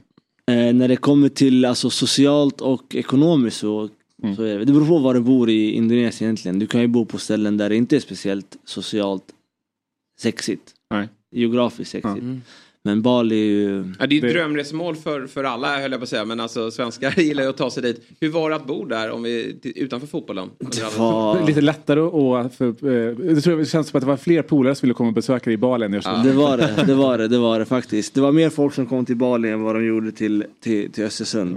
Eh, nej, alltså hur det var att bo i Bali. Tänk dig att du är på en semester egentligen, en bra semester fast du är där i fem år. Ja. Jag vet inte mer man ska beskriva Nej, det. var ett paradis. Du Mm. vet. Jag har inte haft på mig skor sen, sen jag Sen åkte nu. dit. Ja precis. Ja, de ser nya ut. Ja. Eh, du vet sandaler, t-shirt, shorts, åka skoter överallt. Alltså det var, det var nästan för bra för att vara sant Mm. socialt. Eh, Nu förstår jag att du är besviken här och nu efter hur, eh, hur det slutade. Men, men finns det liksom någon plan för dig sen när karriären är över att, att flytta tillbaka dit för att fortsätta? Eh, ja, absolut. Det beror på vad som händer här. För att jag har ju en, en, en önskan om att bli eh, en fotbollstränare. Mm. Så vi får se hur den banan går. Men eh, skulle vi inte trivas i Sverige och vi känner att det här verkligen, vi inte hör hemma här. Då är det självklart ett alternativ. Men eh, eh, man vill inte vara för deppig heller och det gäller att anpassa sig. Och du vet, inte göra motstånd mot situationen och vad som är just nu. Du vet. Och det är att vara i Sverige och det är att spela fotboll, försöka göra det bra med Dalkurd. Eh, sen vad framtiden eh, eh ger, det får vi se då. Men eh, det finns absolut ett, alltså det är ett alternativ och om det är en önskan då, då skulle det inte vara svårt. Liksom. Är det, där du, se, förlåt, ja, men är det där du ser lite med, med Darker också, alltså en ste, ett steg in i tränaryrket också? Lite? Ja det var därför, inte därför men det var, det var väl en stor anledning till att varför det blev Dalkurd. Att eh, de erbjöd eh, hjälp med utbildningen för att sedan den dagen, om det är imorgon, en vecka, en månad, ett år eller två år. Den dagen jag känner att jag inte kan eller vill spela fotboll och då kan jag kliva in i en tränarroll. Så det var väl eh, det som var ganska avgörande. Har du besökt Sverige någonting när du har varit? Absolut, Ja, ja, jag har familj här så, ja. så jag kommer tillbaka. Under corona också så spelades inte fotboll i Indonesien på ganska länge och då var man här några månader också. Så Fotbollen då, där borta är vi nyfikna på också. Hur skulle du beskriva nivån på fotbollen och intresset? intresset är alltså, det har inte sett något sjukare egentligen. Ja, det är så. Eh, fotbollskulturen, alltså fansen, det är på en helt annan nivå. Mm. Alltså vissa, vissa arenor, vissa lag har ju 70, 80, 60 tusen du vet, på sina läktare och det är en sjuk stämning, nästan hostile environment som Graham brukade säga. Mm. Men det, var bara, det är bara kul att spela fotboll och sådär. Eh, vi har en arena, eller Bali hade en arena som tog 25 000 och det var fullsatt varje match och det var en otrolig stämning där också. Nivån brukar man bli tillfrågad ganska ofta och du vet det är så jävla svårt att säga. Eh, alltså individuellt, jätteduktiga, taktiskt, inte så duktiga. Eh, kontroll, fotbolls, alltså kontroll på hur man kontrollerar matcher, det är väl inte heller så någonting som de har blivit lärda. Eh, det är ganska mycket det är ett böljande fotboll fram och tillbaka, upp och ner. Eh, så det var, fanns en anpassningsperiod till den typen av kultur också. Men eh, senaste två, tre åren har det utvecklats ganska lavinartad där borta då det har kommit du vet, utländska tränare som kommer med 3-4-3, 3-5-2 och du vet sådana typer. Innan första året då var det bara 4-3 eller 4-4-2 som gällde. Eh, alla gjorde egentligen samma sak. Men sen de senaste tre åren har det kommit influenser från andra delar av världen. Eh, framförallt Europa, det har funnits brasilianare och sådana typer av tränare innan. Men nu har det kommit alltså, europeiska tränare försöker, försöker lära. Och eh, det var en ganska svår grej för mig att komma från den taktiska medvetenheten som vi hade i Östersund till att komma till en rätt enkel fotboll där det bara gick framåt. Eh, Jag kommer ihåg, vi hade försvarat i två, tre minuter och jag fick bollen och jag ville vila med boll. Mm. Passade högerbacken och alla kollade på mig. What the fuck are you doing? Vi ska framåt. jag bara, men då har ni hämtat fel spelare. Ja. Jag är här för att kontrollera och försöka göra saker och ting bra och försöka ha ett litet bollinnehav i alla fall. Men du vet. Och du vet, jag kommer ihåg första året, de första sex månaderna var svårt för mig och då hade jag många samtal med presidenten. De bara, you need to take more yellow cards. You're a defensive midfielder, you need to tackle more. Mamma, men alltså, man kan vara smart alltså, utan, alltså försvarsmässigt utan det där. Men du vet, alltså sådana saker. Så det, man var tvungen att, att lära sig och göra man var tvungen att observera vad som, vad som gör en bra där och sen när man har gjort det och man har nått dem då kan man försöka Det blev ju till slut, som du nämnde då, två ligaguld eh, med, med ditt Bali. Hur, hur högt eh, rankar du det och, och hur, hur stort blev det? Eh, för, för, Det är väl, alltså jag har tre titlar i mitt liv som seniorspelare och de två är det, alltså det är det högsta. Det är, alltså vart, du om det är division 6 eller allsvenskan, det, det svåraste som finns det är väl att vinna titlar. Att vara konsistent under ett helt år. Eh, att göra det två gånger dessutom, det var, det var jättestort. Och stämningen i Bali och firandet var utöver det vanliga.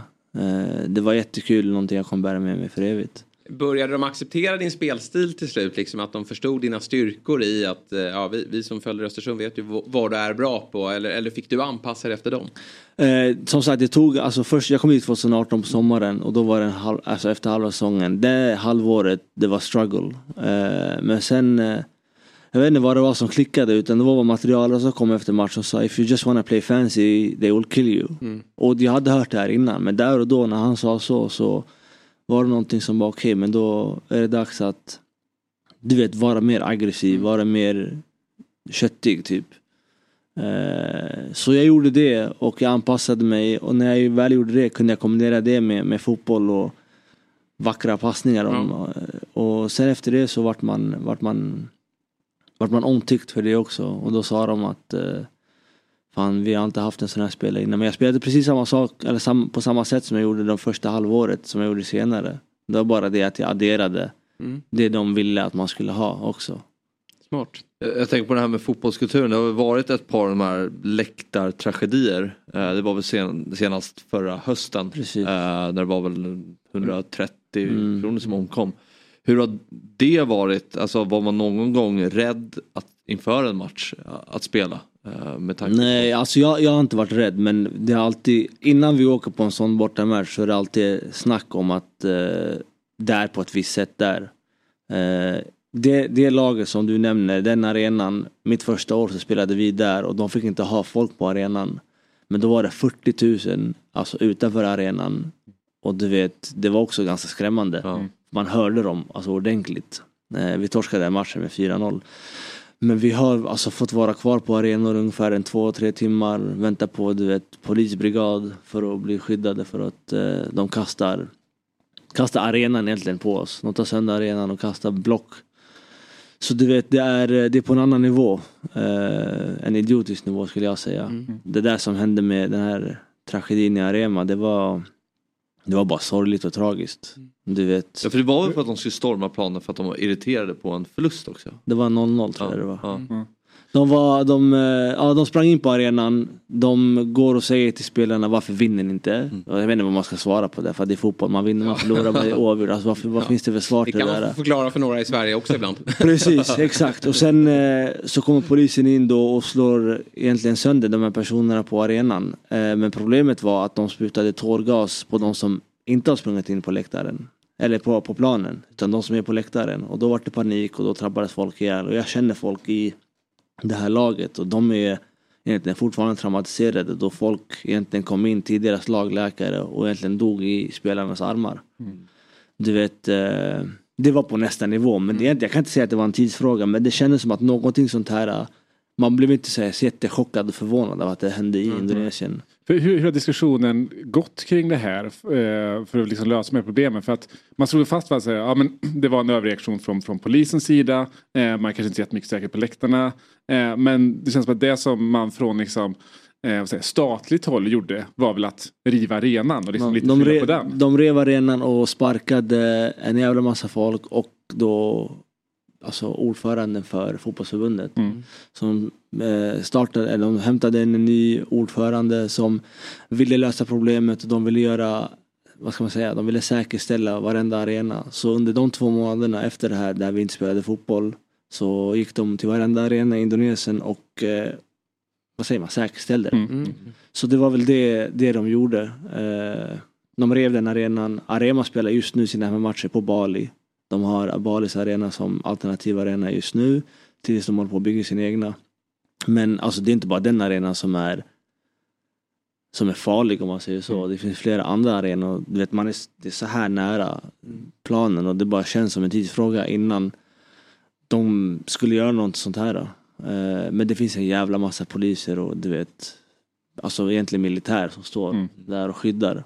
Men det ska inte behövas egentligen. Men jag vet inte hur man skulle utbilda dessa människor till att inte göra sådana här grejer utan saker och känslor tar över för de här för fansen, för supportrarna där och de är egentligen så som de är. Mm. Och sen kan man tolka det lite hur man vill men det känns inte som det är som det är de smartaste. I, I Sverige så, så pratar man om att det är oftast en, en liten klick som förstör men, men det, det är kanske större utbrett här att det, det är fler som är väldigt Det verkar eh, så, det verkar så. våldsbenägna. Då. Verkar så, ja.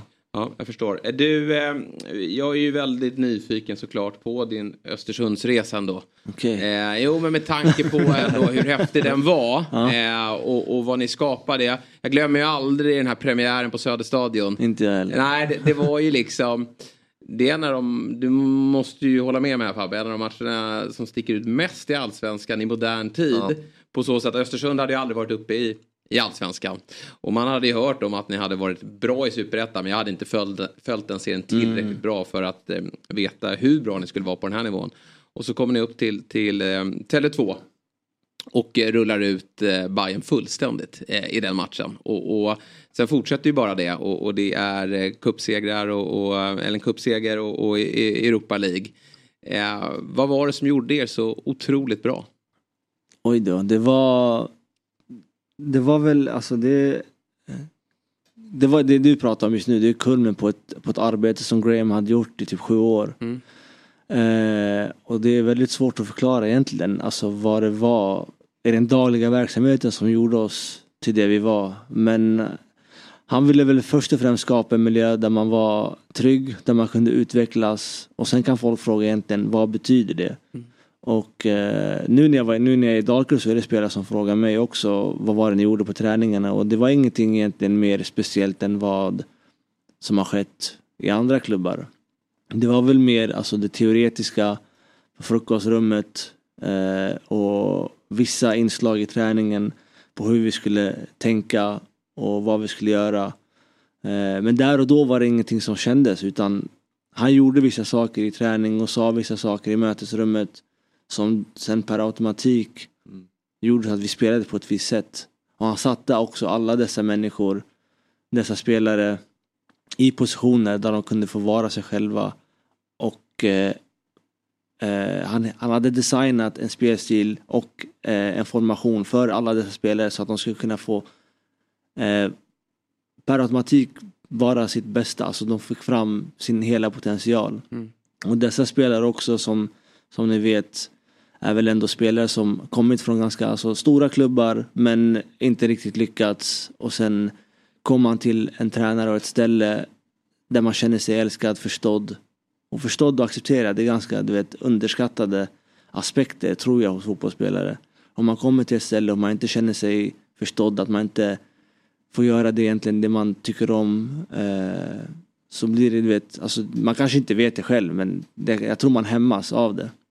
Men eh, vi alla kände kärlek, kände oss förstådda och eh, vi behövde egentligen bara ta på oss kläder och sen var saker och ting, vi behövde bara vara oss själva. Vi behövde bara vara oss själva och så gick det vägen och sen där och då funderade man inte speciellt mycket kring det, man reflekterade inte kring det men eh, efteråt så när man sätter alla pusselbitar på plats då blir det så här att jag kom dit som tia. Mm. Alltså jag kom dit som en offensiv spelare men två, tre månader senare så gjorde han mig till sexa och jag kom till min rätt ännu mer. Och nu om du spelar mig som åtta, jag skulle vara vilsen. Mm. För att jag har satt den här sexa rollen så bra för mig själv. Eh, sen fanns det andra spelare som, som fick skifta men de var fortfarande så pass bekväma att eller han var fortfarande så pass bekväm att han inte satte någon person i en roll som han inte visste kunde hantera den. Och det var en skicklighet i, i, i Graham och hela tränarteamet att, att kunna se det. Eh, om eh, Saman ville spela till vänster men den här matchen ska han spela till höger och kanske kände mig fan men jag kommer inte bättre rätt till, till höger. Så litade han ändå på att Graham hade scoutat motståndet så pass mycket att det här och det här skulle hända. Så Graham kunde säga innan en match att det här och det här kommer hända om vi gör så här. Och när det väl händer dagen efter på mötet och man bara shit fan det var exakt så det var. Får man ännu mer respekt för. Den skickligheten när han ser hur saker och ting... Precis det där har man ju hört många spelare säga om Pep Guardiola. Att Precis. han målar ju upp scenarion i matcher som spelarna sen är övertygade kommer att hända. Och, och det sker ofta. Precis, och då blir det så här shit, alltså bara lyssna på den här killen så kommer saker och ting förmodligen bli bra. Och det, det är det jag menar med det här, han hade designat en, en modell för att vinna matcher men samtidigt finns det en röd tråd för att hela tiden utvecklas. Hela, alltså nu när jag hör, pratar så hör jag själv hur abstrakt det låter. Men det är också, du vet, det, det är en daglig, daglig eh, träning, daglig verksamhet som gör så att saker och ting över tid blir, blir bra. Och han började Ja, men det låter ju 2000 som ett suveränt ledarskap. Ja. Kände, men kände du där och då att här, det här kommer bli en världstränare? Eller Ja, var ja, du, ja. du lika ja, alltså, jag, vet, jag, vi har pra- jag vet inte om jag pratat om det med, med spelarna men alltså, jag visste att, det, att den här killen han, alltså, han har inte hemma här. Nej. nej, nej, han har ingenting här att göra. Alltså killen var helt, he, alltså han var otrolig. Alltså det här med, du vet hur man är med människor. Det var någon som frågade mig häromdagen, vad var det stora med Graham? Och det stora med Graham, det är två grejer. Det är den här humana sidan, eh, att, han, att man känner att man kan, man kan prata med honom, det här som jag pratar om, acceptans och förståelse. Men också den här taktiska skickligheten. Att kunna förutse, det är som schack. Jag gör det här för att de ska göra så, då gör vi det där. Du vet att kunna se tre, fyra steg framför eller före, det, det är en ganska alltså, bra egenskap att ha som tränare. Det Är det, honom du Ja. kommer försöka spegla i din tränare? Förmodligen, det är han som Ja. är den stora inspirationen. Eh, jag tror jag sa det till Fotbollskanalen härom, häromdagen att eh, när han sa att jag skulle kunna bli en, en tränare, det var då en karusell började sätta sig i hjärnan. Fan okej. Och det han gjorde för oss som människor och som spelare, det är någonting jag skulle jättegärna vilja hjälpa andra spelare med. Eh, spelare som kanske inte känner sig som att de får ut sitt och de inte vet varför. Då skulle jag vilja hitta en nyckel till att om du tänker så här eller om du gör så här så, skulle, så kanske det här kommer hända. Mm. Eh, så det är väl det som är den stora drivkraften i att vilja bli tränare. Att kunna skapa en fotbollsmiljö eh, där folk får vara sig själva och kunna bli bättre och njuta av det. För så som vi njöt i Östersund. Alltså jag måste bara påpeka. Trots att ni bodde där. Precis, det var det jag ville säga. Alltså socialt geografiskt. Alltså Östersund. All kärlek till den staden och det vi gjorde men alltså ingen var från Östersund. Nej. Och vi var alla alltså, du vet, grabbar som inte hade någonting med Östersund att göra. Och vi var från Stockholm, Göteborg och Malmö och Norrköping och du vet. Att komma dit och sen att alla kände samma sak men ändå alla trivdes och älskade egentligen att komma till arbetet varje dag. Det vill jag också att mina spelare någon gång i framtiden ska känna att vi kommer hit och vi lär oss och det är kul att spela fotboll. Vi kommer inte dit för att för att det är ett jobb eller för att bara vinna matcher utan vi vill lära oss ha kul och spela fotboll. Väldigt coolt alltså. Men jag tänkte på det där med humana som du sa, hans, en av hans styrkor. Finns det något tydligt exempel på det? När du känner att ledarskapet verkligen kom fram hos eh, Potter? Jag var i, vet du det, innan jag skrev på för, vet du det, nu avslöjas ganska mycket här men jag Kör säger på. det. Det är otroligt intressant. Jag var i, vet du jag var i Degerfors. I, innan, efter dagkurs var jag i Degerfors och eh, egentligen väntade på att Johan Bertilsson skulle bli såld till eh, Polen som han blev. Eh, och de sa att de inte kunde ge mig ett kontrakt förrän han blev såld. Och jag hade inte den tiden att vänta för Östersund eh, var runt hörnet. Och jag kommer ihåg att jag sa till min, till min dåvarande tjej, som nu är min fru, att fan jag vill inte flytta till Östersund. Även fast det är det bästa tror jag, så vill jag inte flytta dit för att det är så jävla långt bort. Och hon sa att om någonting att vara bra för min karriär så hade jag inte brytt mig om det geografiska. Och sen eh, så, så vart det Östersund. Men jag hade åkt fast faktiskt för en, eh, en olovlig körning innan det där. Och jag var tvungen att då säga det till Graham att jag kommer kanske behöva gå till rättegång och eh, eh, jag kommer få böter för det, det, det är brott, eller det är straffet för det brottet. Eh, och när jag sa det till honom att jag, jag vill jättegärna välja Östersund, jag är beredd att skriva på kontraktet ni har gett men jag behöver berätta Mm. att jag åkt fast för, för fortkörning, eller för olovlig körning. Och eh, med all den nervositeten som fanns då så svarade han eh, okej men eh, då kommer inte jag ringa dig för att få skjuts till träningar. Och du vet eh,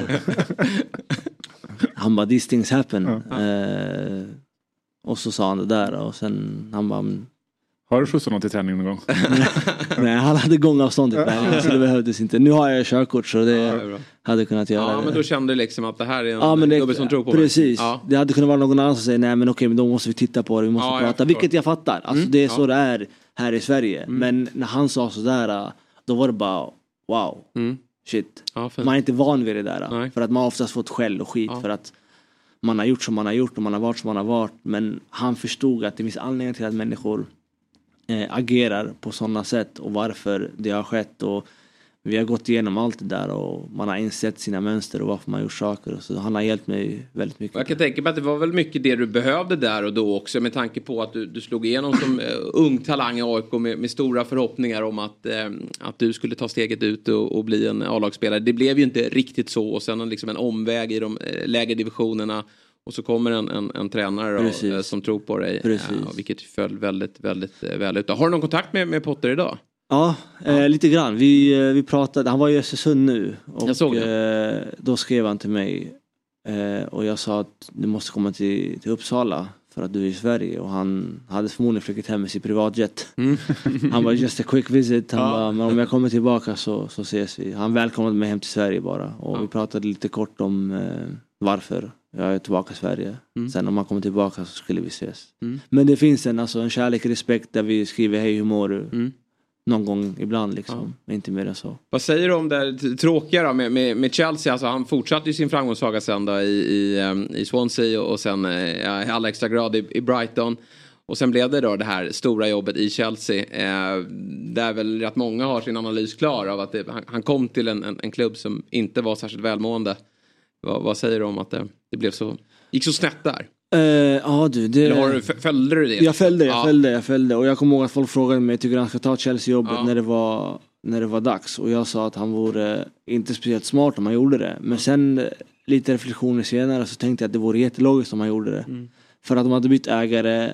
Ägaren ville tydligen göra om Chelsea och jag kan inte tänka mig att de inte hade en jävla massa möten om vilken väg de skulle gå framåt. Och Graham tar inte saker och ting om han inte får göra det han på hans arbetssätt. Alltså, det finns väl många tränare som går till alltså presidenter och de har möten och säger ja, men det här är min filosofi och då kanske de inte kommer överens. Så om Graham då sen tog jobbet och han ens övervägde det så måste det vara så att då presidenten och han har varit på samma sida. Mm. Och därefter så kände jag okej men det är precis vad han behöver liksom. Sen kan man kanske, kanske man inte ska underskatta betydelsen av Chelseas kultur med alla sparkade tränare. Eh, med storklubben som egentligen det är och hur svårt och hur pressat det kan vara. Men i slutändan så fick man reda på att eh, det var en massa värvningar som inte var hans. När Ukraina för en miljard, han vill inte ha honom. Eh, och du vet då får han arbeta med saker och ting som egentligen kanske inte överensstämmer med det sättet han vill arbeta. Och jag pratade med Billy också och han sa att alltså, det, var, det var mad. Vi hade, fick sju, var sju, åtta spelare. Eh, Reed, hans Ah, assisterande då. det. Mm. Han sa att det var sju, åtta spelare som fick sitta på marken under, du vet, under alltså videoanalyserna och såna här Mm. grejer. Och du vet, För många. Precis, eh, så det var svårt att, alltså 30 spelare, världsstjärnor Ja. som tjänar så här mycket pengar och det är bara 11 som får spela och Mm. vad är det, 10 som får sitta på bänken. Och det betyder att, ja, ni kan tänka er att det inte var en speciellt rolig eller enkel arbetsmiljö. Eh, och sen när pressen kommer och Mm. när man inte når en världsstjärna och den kanske börjar tycka illa om den eller om dig. Och, jag kan inte tänka mig att det var enkelt. Eh, och resultat krävs oavsett vem du är och vilket arbetssätt du vill ha i slutändan. Eh, vi blev inte det vi blev i Östersund för att vi förlorade varje match utan vi vann väl också lite då och då. Det var inte bara fin fotboll. Eh, och jag tror då alltså flesta såg att det här är en tränare som är bra men det kommer behövas tid men Chelsea, vi kan inte ge det den tiden. Liksom. Men det låter ju som motsatt situation från just Östersund. Eh, att så här, komma in mitt under säsong. Några månader senare så värvas tio nya spelare Mm. för hur många miljarder som helst. Ingen säljs. Ingen säljs. Nej. Och så sitter du där med 32 spelare och just det här ledarskapet att Ja, ja. verkligen ta till sig spelarna och så här. Och Graham är en sån spelare som han vill värva alltså, karaktärer. Mm. Jag kommer ihåg att han frågade mig om massa svenska spelare när jag var i Östersund. Och frågade mig om hur de är, inte hur de är som fotbollsspelare för det visste han. Han vill mer veta hur de är som människor. Och sen vart det någon och så vart det många som inte blev liksom. Då han drog sin egen slutsats att den här personen kanske inte karaktären kanske inte passar in med den här spelargruppen. Eh, fotbollsmässigt okej men människan. Och det är väl ganska svårt att göra med alltså, de här spelarna där. Han kanske inte känner dem så mycket väl men kontaktnätet i Sverige det var i alla fall att de frågade jävligt mycket om hur människan var. Eh, men sen saker och ting förändras väl när man kommer dit på den nivån. Eh, och i Chelsea kanske inte bryr sig så jävla mycket om människan utan det är resultat. Vi har pumpat in så här många miljarder, alltså vi vill ha resultat liksom. Ja. Slutändan. Vilken jäkla kontrast det måste vara sen att komma till Bali och höra Don't play fancy direkt. Ja. Någon... Ja, alltså du förstår inte. Nej, Jag nej tänker, det var, Jag vet inte vem som det- var din tränare då. men Det var helt sjukt. Det var helt sjukt. Potter bryter kontraktet efter ett misstag. Ja, det, Det hade inte låter hänt. som Potter. Nej, det är oerhört intressant att, att eh, höra om, om din resa och allt du har varit med om. Men nu Dalkurd då, eh, som eh, ni är i toppen av division 1. Yes. Jag antar att målsättningen är att ta steget upp igen. Det, det är det och eh, det borde det vara. Mm. Vi, eh, vi har ett bra lag. Alltså, vi, jag har kommit, jag, alltså, det, det är bra spelare, det är en bra tränare, det finns ambitioner, det finns visioner. Jag tror det finns alltså, förutsättningar och resurser för det. Eh, sen ska det göras på plan också. Jag vet inte alltså, nivån egentligen på division 1. Det var en jävla massa år jag var där. Mm. Eh, vi mötte Boden nu i helgen, det blev 0-0. Det är ett jävla skamresultat. Så som vi dominerade den matchen och, och chanserna vi missade. Eh, men som jag sa tidigare, det, det svåraste som finns det är att vinna serier. Och det som är näst svårast är att vinna matcher. Så eh, tanken och ambitionen är att, att kunna ta ett steget upp men det ska göras på plan också. Mm. Eh, men det känns som det finns alltså, förutsättningar för och kvalitet. Ja, du har ju varit i klubben förut. Om du jämför klubben då och nu, är den liksom är den redo att ta sig tillbaka till elitfotboll? Jag har varit där i en vecka nu. Ja, ja. Eh, men den är precis egentligen, omklädningsrummet är precis så som jag lämnade. Det som, för, det som stack ut i Dalkurd det var omklädningsrummet. Mm. Alltså den här uh, kärleken och den här kamratskapen som finns. Eh, det har egentligen hållit i sig. Den kulturen finns kvar. Man kom in där och så man kände sig som en av grabbarna direkt efter egentligen första träningen. Eh, så det är någonting man inte ska underskatta heller. Det är inte så överallt i hela världen. Eh, redo, redo. Alltså på du vet, styrelsenivå, jag har ingen aning om jag ska vara helt ärlig. Jag har varit där för kort tid. Jag vet att det, finns, eh, som det finns i alla klubbar egentligen i Sverige förutom kanske inte Malmö FF, så finns det alltid någonting som inte är helt perfekt. Eh, det kan vara vad som helst men eh, de försöker jobba eh, bra, de försöker jobba rätt och saker och ting tar tid. I alla fall om man vill eh, ha du om man vill göra saker och ting rätt så finns det alltid en process. Om man inte alltid bara jagar resultat, vi ska vinna, vi ska vinna, vi ska vinna. Om det handlar om att utveckla, om det handlar- om att vara eh, socialt medvetna, man vill vara en bra samhällsklubb så tar saker och ting sin tid. Man behöver bygga miljö och, och hitta rätt karaktärer för det. Eh, vi pratar om Graham, vi pratar om Östersund. Han kom dit 2000, vad var det, 11? Mm. 2017 skedde det här med, med Arsenal. Mm. Så det är 6-7 år av, av hårt arbete. Så om Dalkurd vill nå vissa framgångar så behöver man eh, göra saker och ting rätt. Eh, och vara human om man säger så. Nu, nu gick ni inte vidare mot Arsenal, men hur var stämningen i omklädningsrummet där på Emirates när ni hade slagit dem? Det måste... Vi var stolta som Ja. fan alltså. Vi var, alltså med speciellt med tanke på hur vi torskade första matchen. Mm. Eh, jag vet inte ifall det var, från min sida var det i alla fall så här. eh, första gången i mitt liv där det var så här, wow vi ska möta Mm. Arsenal liksom. Och det var bara, och det fick jag, alltså jag fick äta upp det. Jag blev utbytt i halvtid i matchen. Mm. Och sen matchen efter så var det motsatsen till det där. Alltså vadå? Arsenal, vadå? Hur kan du bli utbytt efter 45 minuter? Det här är inte wow. Nu ska vi gå dit och visa exakt vilka vi är. Och sen att kunna göra det, vinna med 2-1. Vi åkte ut men se alla de här 5000 östersundarna som var där och ja. det vi hade skapat. Det var inte då man kom ur bubblan och fattade vad man hade gjort. Var det Wenger då? Nej. Vad sa du? Var det Wenger fortfarande? Nej, nej. Ja, jo det var Wenger. Wenger? Ja. 17? Yes. Han var kvar så länge? Han var, det här var 2018 i februari tror jag. Ja, det var det. Han var kvar då. Men st- stannar Fan, jag kommer ihåg när vi gjorde 2-0 mål, då kom han upp och blev orolig. Otroligt. Jag sprang och hämtade bollen och Dennis Widgren sa åt mig att ta det lugnt. Jag bara, nej men alltså, vi behöver göra ett mål till. Ja. Och då såg jag Wenger, han hade suttit hela matchen. Men där efter 20 minuter så ställde han sig upp och gick och hade sin du vet, allvarliga min. Ja, ja. Och den långa rocken. Ja. Kunde, kunde du stanna upp där då efter att liksom ha slagit eh, Arsenal på, på deras hemmaplan? Kunde du stanna upp då alltså, efter allt som har hänt i din karriär, vad som hände i AIK, du pratade lite om missbruksproblematiken där. Kunde du stanna upp där och bara, fan, det blev en jävligt fin karriär av det här ändå? Där och då nej, men senare när man kom bort från Östersund och du vet saker och ting bara började komma upp till ytan. Då, är det då, då började man känna att det här var ganska bra gjort och ganska stort. Men jag kommer ihåg att när vi gick vidare från gruppen, jag tror vi mötte Zorja, det här ukrainska laget.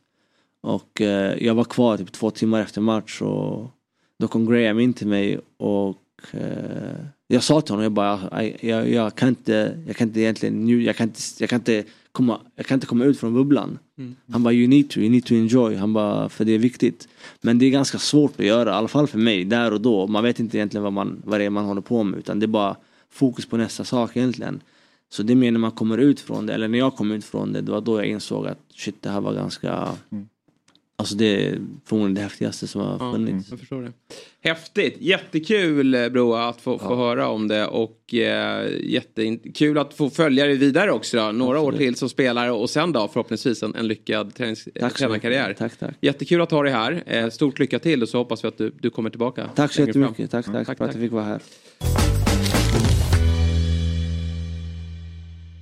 Fotbollsmorgon är sponsrat av Carlsberg Alcohol Free. Fabbe, vet du vilka som ligger bakom Player of the Match? Där supportrarna kan rösta fram matchens bästa spelare i varenda en av svenska landslagets matcher. Såväl herrarnas som damernas. Det är klart jag vet det Axel. Carlsberg Alcohol Free. Och jag vet att det är 10 000 som går till organisationen Locker Room Talk för varje vinnare. Jag kan allt som har med fotboll att göra. Det vet du ju Axel. Ja, jag vet, jag vet. Det finns ingenting som undgår dig. Men vem i landslaget tror du kommer få flest eh, utmärkelser under VM? Ja, men det blir otroligt viktigt att de senaste årens stora stjärna Kosovare Aslani fortsätter leverera i landslagssammanhang. Hon är Sveriges nyckel till den sista tredjedelen anser jag. Mm, Okej, om man väl är där i den sista tredjedelen då, vem ska göra det där? Ja, men det finns ju väldigt många riktigt duktiga avslutare i svenska landslaget. Men den viktigaste pusselbiten tycker jag ändå är Fridolina Rolfö. Kan hon vara i form har Sverige en anfallare av absoluta världsklass. Lite samma gäller vår nya Stina Blackstenius. Hon behöver också vara i toppform för att Sverige ska gå långt. Och hur laddar du upp för att se matcherna? Har du någon speciell matchdagsritual när det gäller att se mästerskapsmatcher eller är det som vilken match som helst? Helst vill man ju vara på plats såklart. Men om jag inte är det så gillar jag att samla vänner och familj och se matcherna tillsammans och kanske ha någon god dryck och tilltugg framme. Eh, nu blir det ju lite speciellt med tanke på att matcherna startar väldigt tidigt svensk tid. Så vi får se hur många som vill se matcherna tillsammans 07.00. Min eh, matchdagsritual blir ganska enkel det här mästerskapet. Morgonpromenad med min hund tidigt och sen ladda inför match. Och hoppas formen är bra så att det blir många tidiga matcher detta mästerskap. Vi säger stort lycka till till vårt landslag i sommar och tack Carlsberg Alcohol Free som är med och sponsrar Fotbollsmorgon. Nu hämtar vi hem guldet! Jajamensan! Ett poddtips från Podplay. I podden Något Kaiko garanterar östgötarna Brutti och jag, Davva, dig en stor dos skratt.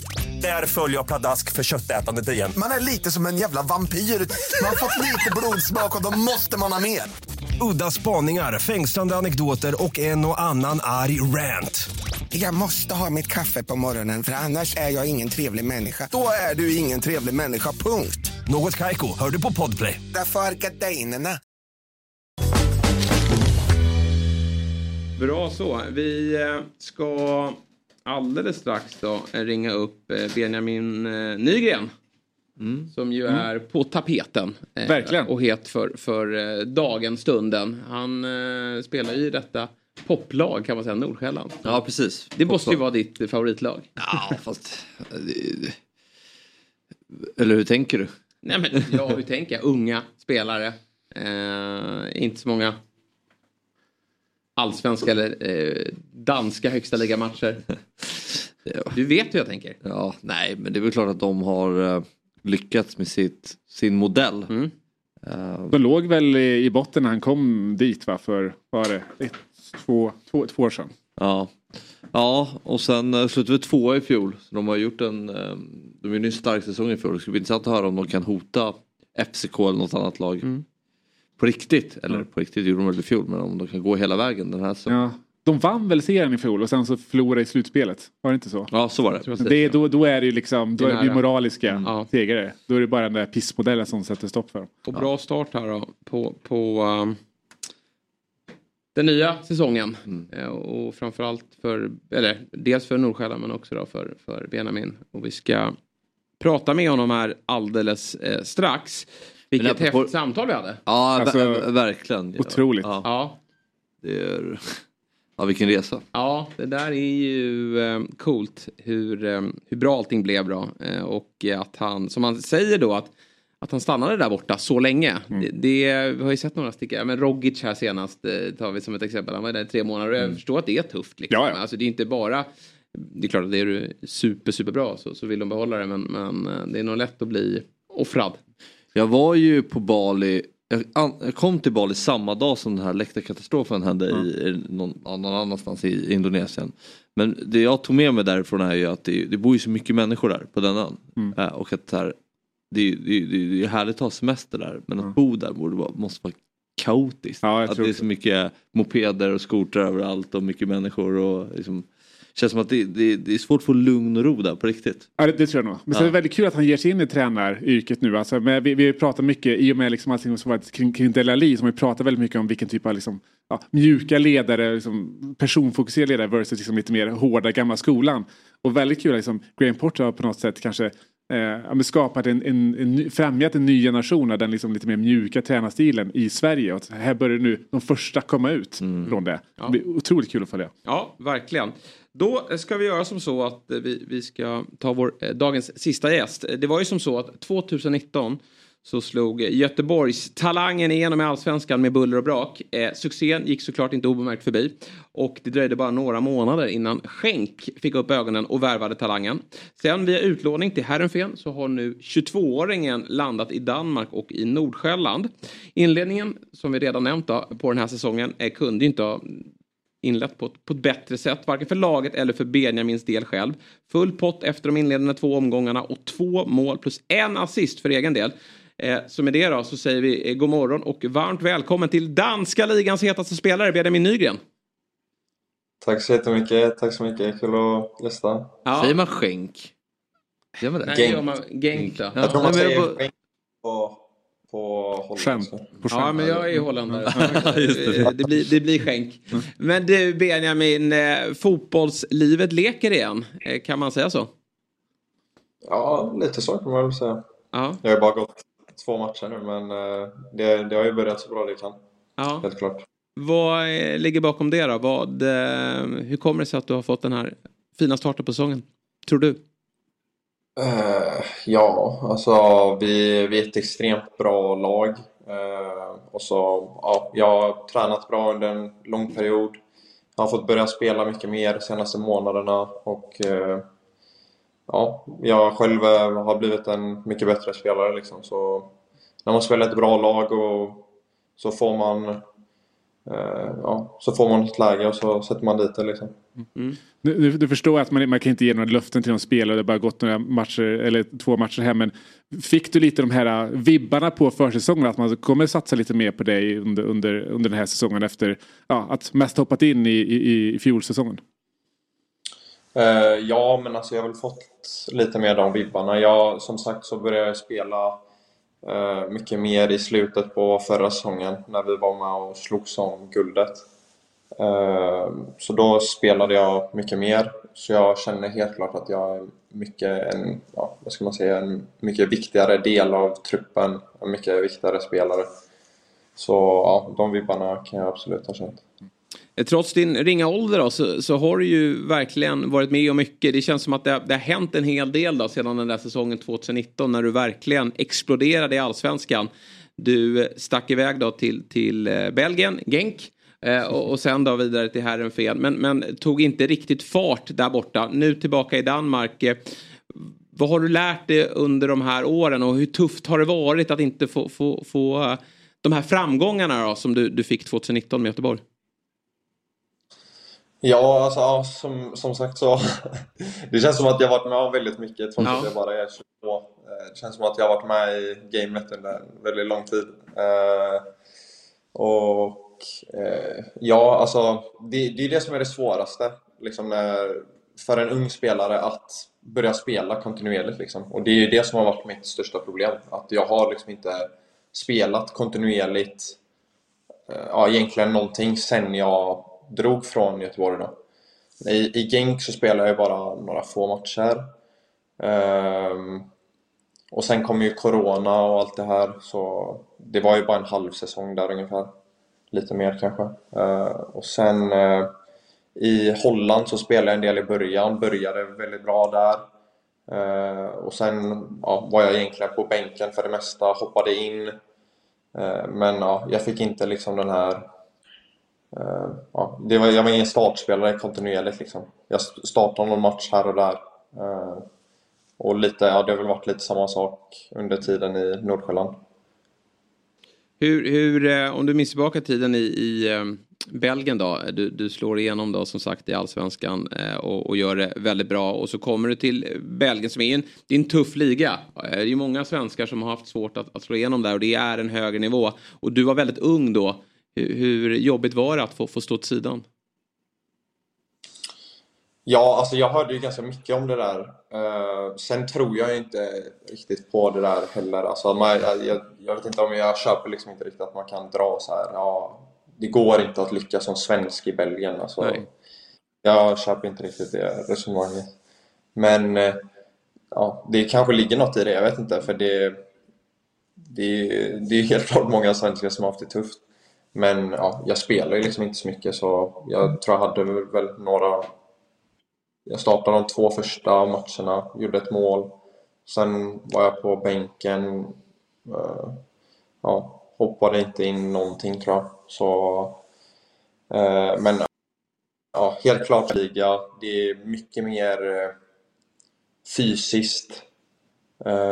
så det, det är ju liksom tuffare. Det är ju ett Mm. steg upp, helt klart. Men eh, ja, jag, jag spelar ju mer i Holland till exempel och jag vet inte om jag tycker att belgiska ligan är mycket bättre än holländska ligan. Eh, Jag skulle nog nästan kanske säga att holländska är bättre. Eh, Ja.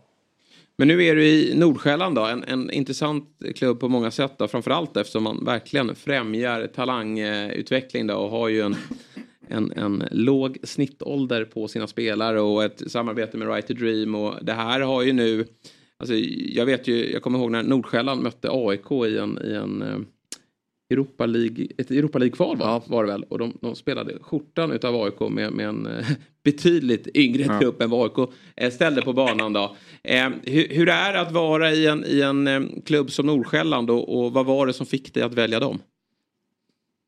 Alltså, jag tycker det är så mycket som är bra med Nordsjälland faktiskt. Eh, Även om jag inte har spelat så mycket som jag har velat under min tid här så har jag liksom, jag har inget ont ord att säga överhuvudtaget om klubben. Eh, Och jag tycker det borde vara så många fler klubbar som bara borde liksom copy-pasta vad Nordsjälland håller på med. Eh, Det är så liksom professionellt rakt igenom. Och ja, det, det känns som att alla som jobbar i klubben liksom ger allt, är jättedrivna. Eh, och det är bara professionellt liksom rakt igenom. Vi har en tydlig eh, strategi, eh, tydlig, jättetydlig spelidé. Eh, och det är tydligt, alltså rakt igenom alla led.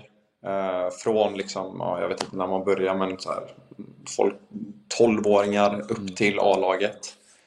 Eh, så allt är liksom väldigt tydligt. Eh, så ja, jag tycker det är hur, hur skulle du beskriva den här strategin som du tycker att fler borde liksom anamma? Eh, ja, men det, det är som sagt en väldigt tydlig spelat, eh, liksom spelidé. Och målet för Nordsjälland är att ha ett ungt lag. Mm eh, men som ändå ska vara en toppklubb. Så de, dels så eh, tar de upp bara de liksom bästa av de bästa talangerna som har eh, ja, från liksom juniorlagen. Och sen hämtar de även in vad de anser då de bästa talangerna eh, i Norden eh, och även liksom från andra länder i Europa. Och dels så tar de liksom de bästa då från Right to Dream-lagen. Mm. Eh, så ja, vi har och, så- och så blandar de även det med några liksom, så här, nyckelspelare eller vad man ska kalla eh, som är lite äldre. Hur gamla är de då? Ja, hur gamla är de? 22. Nej, men, nej, nej, nej, men bra, precis. Ja. Prata om- Ja, precis. Ja. Ja, men jag är bland de äldsta i truppen. Ja, det är ju, otroligt. eller, topp 10 Elsa i alla fall. Eh, nej men de är väl kanske runt 30, någon Mm. är 30, någon tror jag är äldre än 30. Eh, ja, ni kan, kan, kanske får kolla det, jag vet inte, Ja. jag har inte stenkoll men de är i alla fall. Men visst är det så att man vill satsa på unga spelare framförallt på offensiva positioner? Ja, men lite så är det. Mm. Eh, och ja, det, det tycker jag vi har som en väldigt stor så här, styrka också i laget att vi har väldigt många bra offensiva spelare. Så, eh, och vi spelar med sån hög intensitet och högt tempo så när det liksom byts in offensiva spelare i slutet på matcher till exempel så är det nästan som att tempot höjs ännu mer. Ja. Eh, och det tycker jag man inte ser så jätteofta i andra klubbar. Men det, det jag kan känna med Sverige, vi har haft lite diskussioner här för att eh, Hammarby till exempel har gjort lite av ett generationsskifte i år och spelat med yngre spelare och då blir ju direkt retoriken i Sverige att så här, ja men det kan man inte göra, det behövs eh, mer rutin i den där truppen, ja, han är 19, hur ska han starta i Allsvenskan? Det känns som att liksom, eh, synen på att spela unga spelare är helt annorlunda i Danmark gentemot Sverige. Ja, det är ju det jag menar också så här att folk, det borde vara fler som kollar på vad Nordsjälland gör och ser liksom ja, att eh, det är liksom inte hela sanningen. Nej. För så fort Vi du... har, Ja. ja, hur många, och det är det jag menar också, att det är väldigt tydligt också. Alltså strategin, spelidén, allting är väldigt tydligt. Så Ja. det är inte så att man bara tar en ung spelare och slänger in han helt plötsligt. Utan vi har ju liksom, ja, men, ja, vad är vi i truppen? Alltså vi är väl 30 pers i A-truppen och ja, 20, 23 av dem kanske, eller 24 av dem är väl yngre än mig, som mig eller yngre. Eh, och även under det så har vi liksom till exempel de som vann Gothia Cup i, i år. De är eh, med liksom och så här, tränar med U19, och åker på turneringar och grejer. Och så de bästa av dem eh, får liksom börja träna med oss och börja liksom komma in i strukturen som vi har. Eh, Så när, när de väl börjar spela så är allt liksom väldigt tydligt. Så det är inte så att man bara oj, men han eh, gjorde två mål i U19-matchen här. Eh, Han får börja träna och så gjorde han en bra träning och så slänger man in han. Liksom. Utan eh, som sagt, allt är väldigt tydligt så det är därför det också fungerar. Och så tror jag inte att det är i andra klubbar. Och det är därför jag tror att det blir så när man snackar om rutin och sådär. För om man kollar på kvalitet så är ofta liksom unga spelare, det är inte så att de har sämre kvalitet Nej. många. Utan man håller hela tiden på att snacka om rutin. Men ja.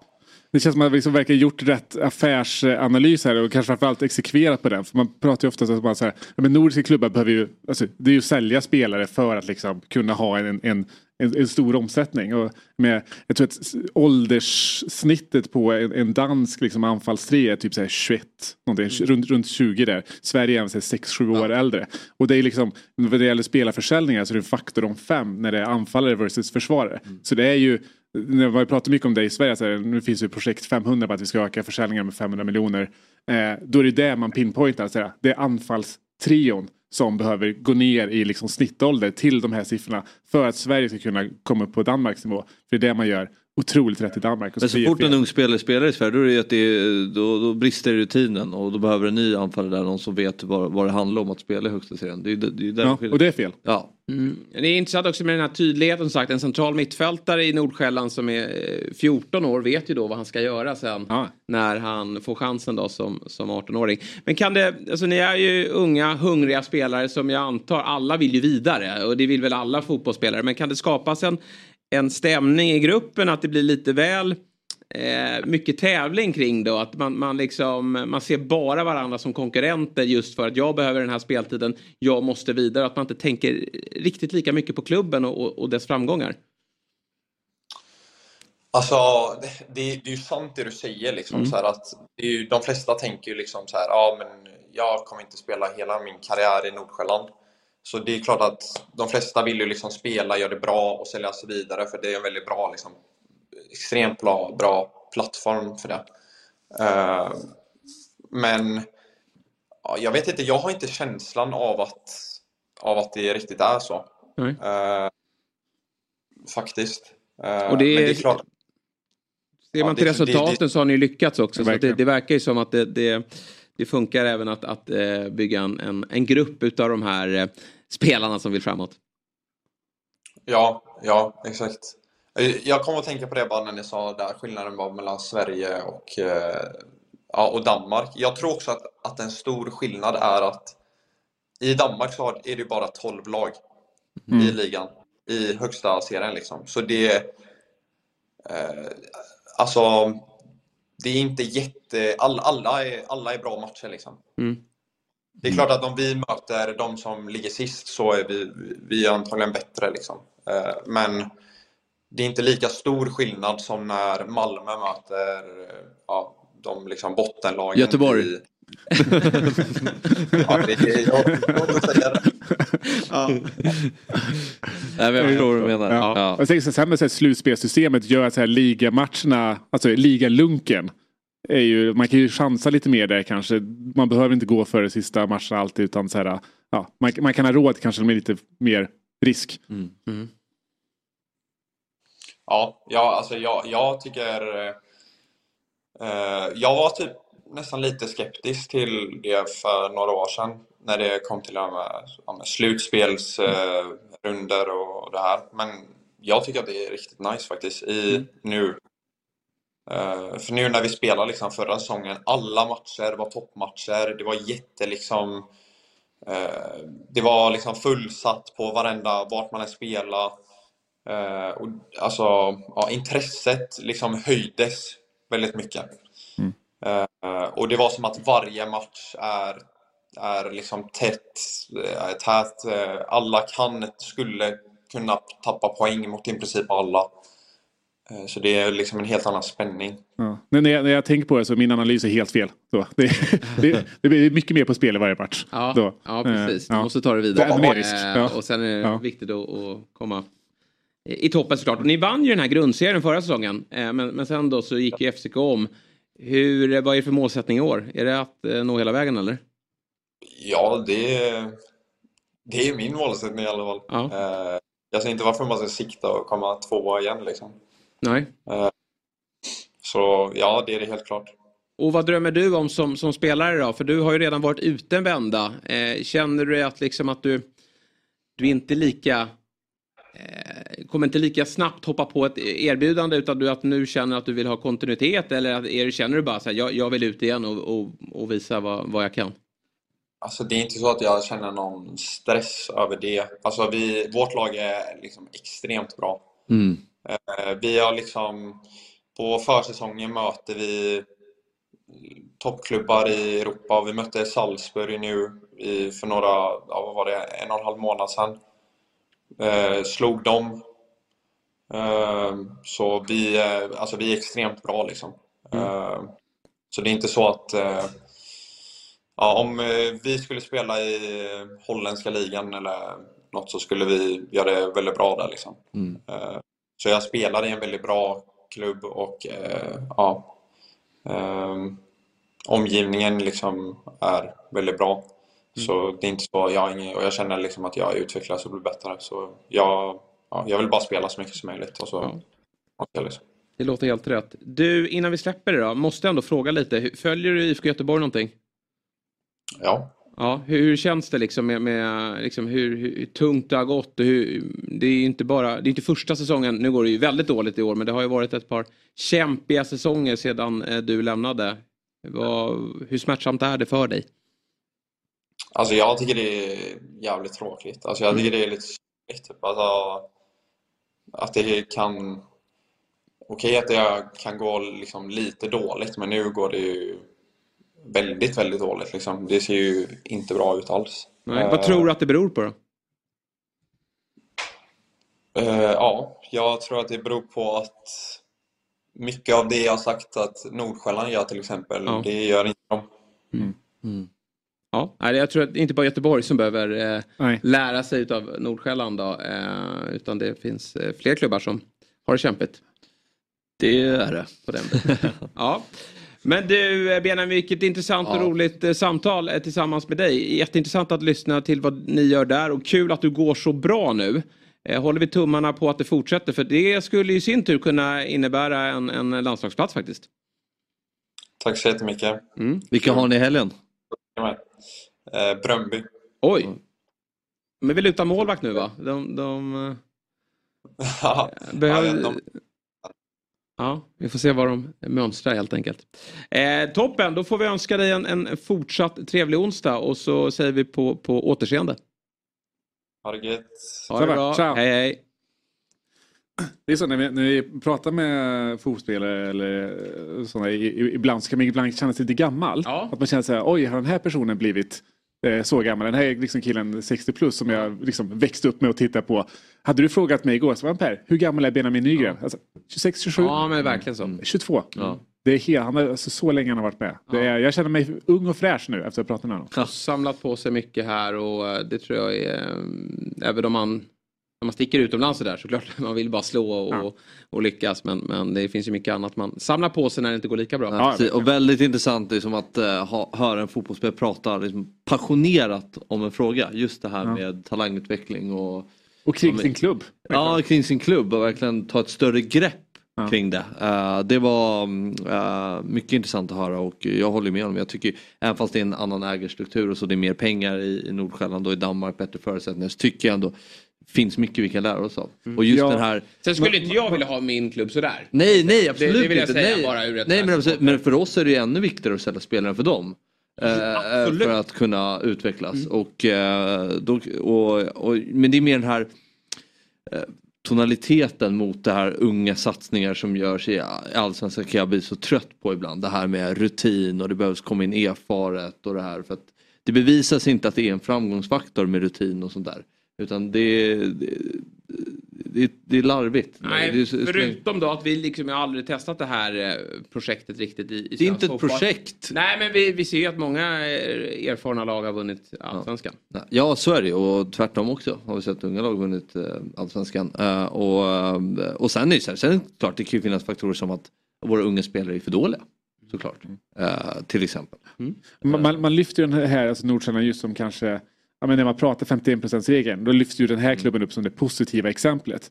Med allt det man vet om klubben när man ser på hur det sköts, allt det går att göra inom ramen för liksom, den organisationsstruktur vi har idag. Det är, liksom, det, det är handlingskraftigheten som saknas i svenska klubbar idag. Eh, att man, liksom, man kanske börjar testa lite där. Men så får en dålig säsong. Du, du är rädd för vad supportrarna kommer att säga på årsmötet om, om eh, fyra månader. Eh, så du drar in en liksom, 34-åring och en 36-åring istället liksom, för att försöka rädda. Ja exakt, alltså, frågan är ju så mycket mer komplex än att spela yngre Ja, spelare. ja, Det finns ju andra, alltså rivalitet, jag menar hur ostört får inte Nordsjälland jobba alltså med supportertryck och sådana saker också. Så det är klart det finns så många liksom, parametrar att ta in i det här. Men... Men jag tycker ändå att man ska, liksom så här, man ska inspireras av det. För att det som de gör, att med handlingskraftigheten, det, det förutsätter liksom långsiktighet. Och det är det som vi med nuvarande organisationsform i Sverige kanske lite saknar. Alltså det är väl den, den dåliga delen av hur 51%-regeln är liksom konstruerad idag. Att säga, vi har årsmöte en gång om året. Det blir ganska kortsiktigt då, speciellt när vi har ganska passionerade supportrar. Men det finns ju ingenting som säger att man, man inte skulle kunna ha längre cykler där. Alltså vi har ju fyra, fyraårsmandat i riksdagen av en anledning. För att liksom politik ska inte vara så hattigt. Det ska vara liksom långa cykler. Kan vi se lite mer så på i fotbollen så tror jag vi skapar bättre förutsättningar för den här typen av projekt även i Sverige.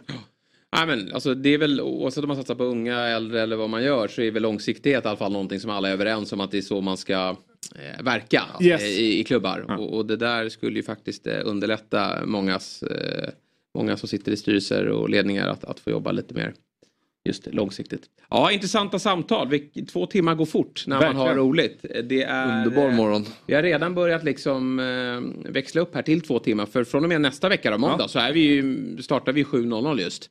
Och, och kör två timmar. Eh, men vi är redan där. Än så länge bara en timme och 55 minuter. Ja, exakt. Vi måste stanna nu så att vi inte Smygstarta lite. Ja, precis. precis. Eh, vi konstaterar att Sverige har 0-0 Mm. i halvtid mot eh, Argentina. Oliver Skog med eh, Kortet. Alltså, ja. Eh, och, och, äh, men jag, jag, på Där såg man koppen. Ja, ser vi eh, till, sett till statistiken då så har ju Sverige bollinnehav och lite mer skapade lägen. Tre hörnor men inget mål. Oj. Eh, Det känns ju lite.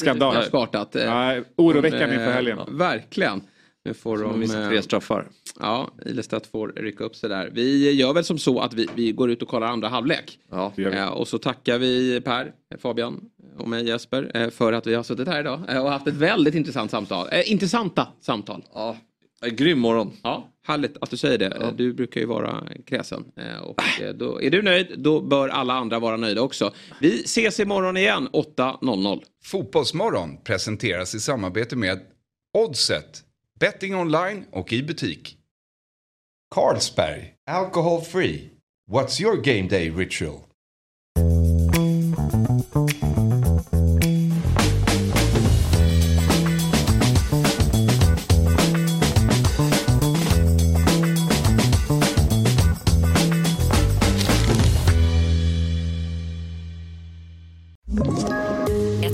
Poddtips från Podplay. I podden Något Kaiko garanterar östgötarna Brutti och jag, Davva, dig en stor dos skratt. Där följer jag pladask för köttätandet igen. Man är lite som en jävla vampyr. Man har fått lite blodsmak och då måste man ha mer. Udda spaningar, fängslande anekdoter och en och annan arg rant. Jag måste ha mitt kaffe på morgonen för annars är jag ingen trevlig människa. Då är du ingen trevlig människa, punkt. Något Kaiko, hör du på Podplay. Därför arkadeinerna.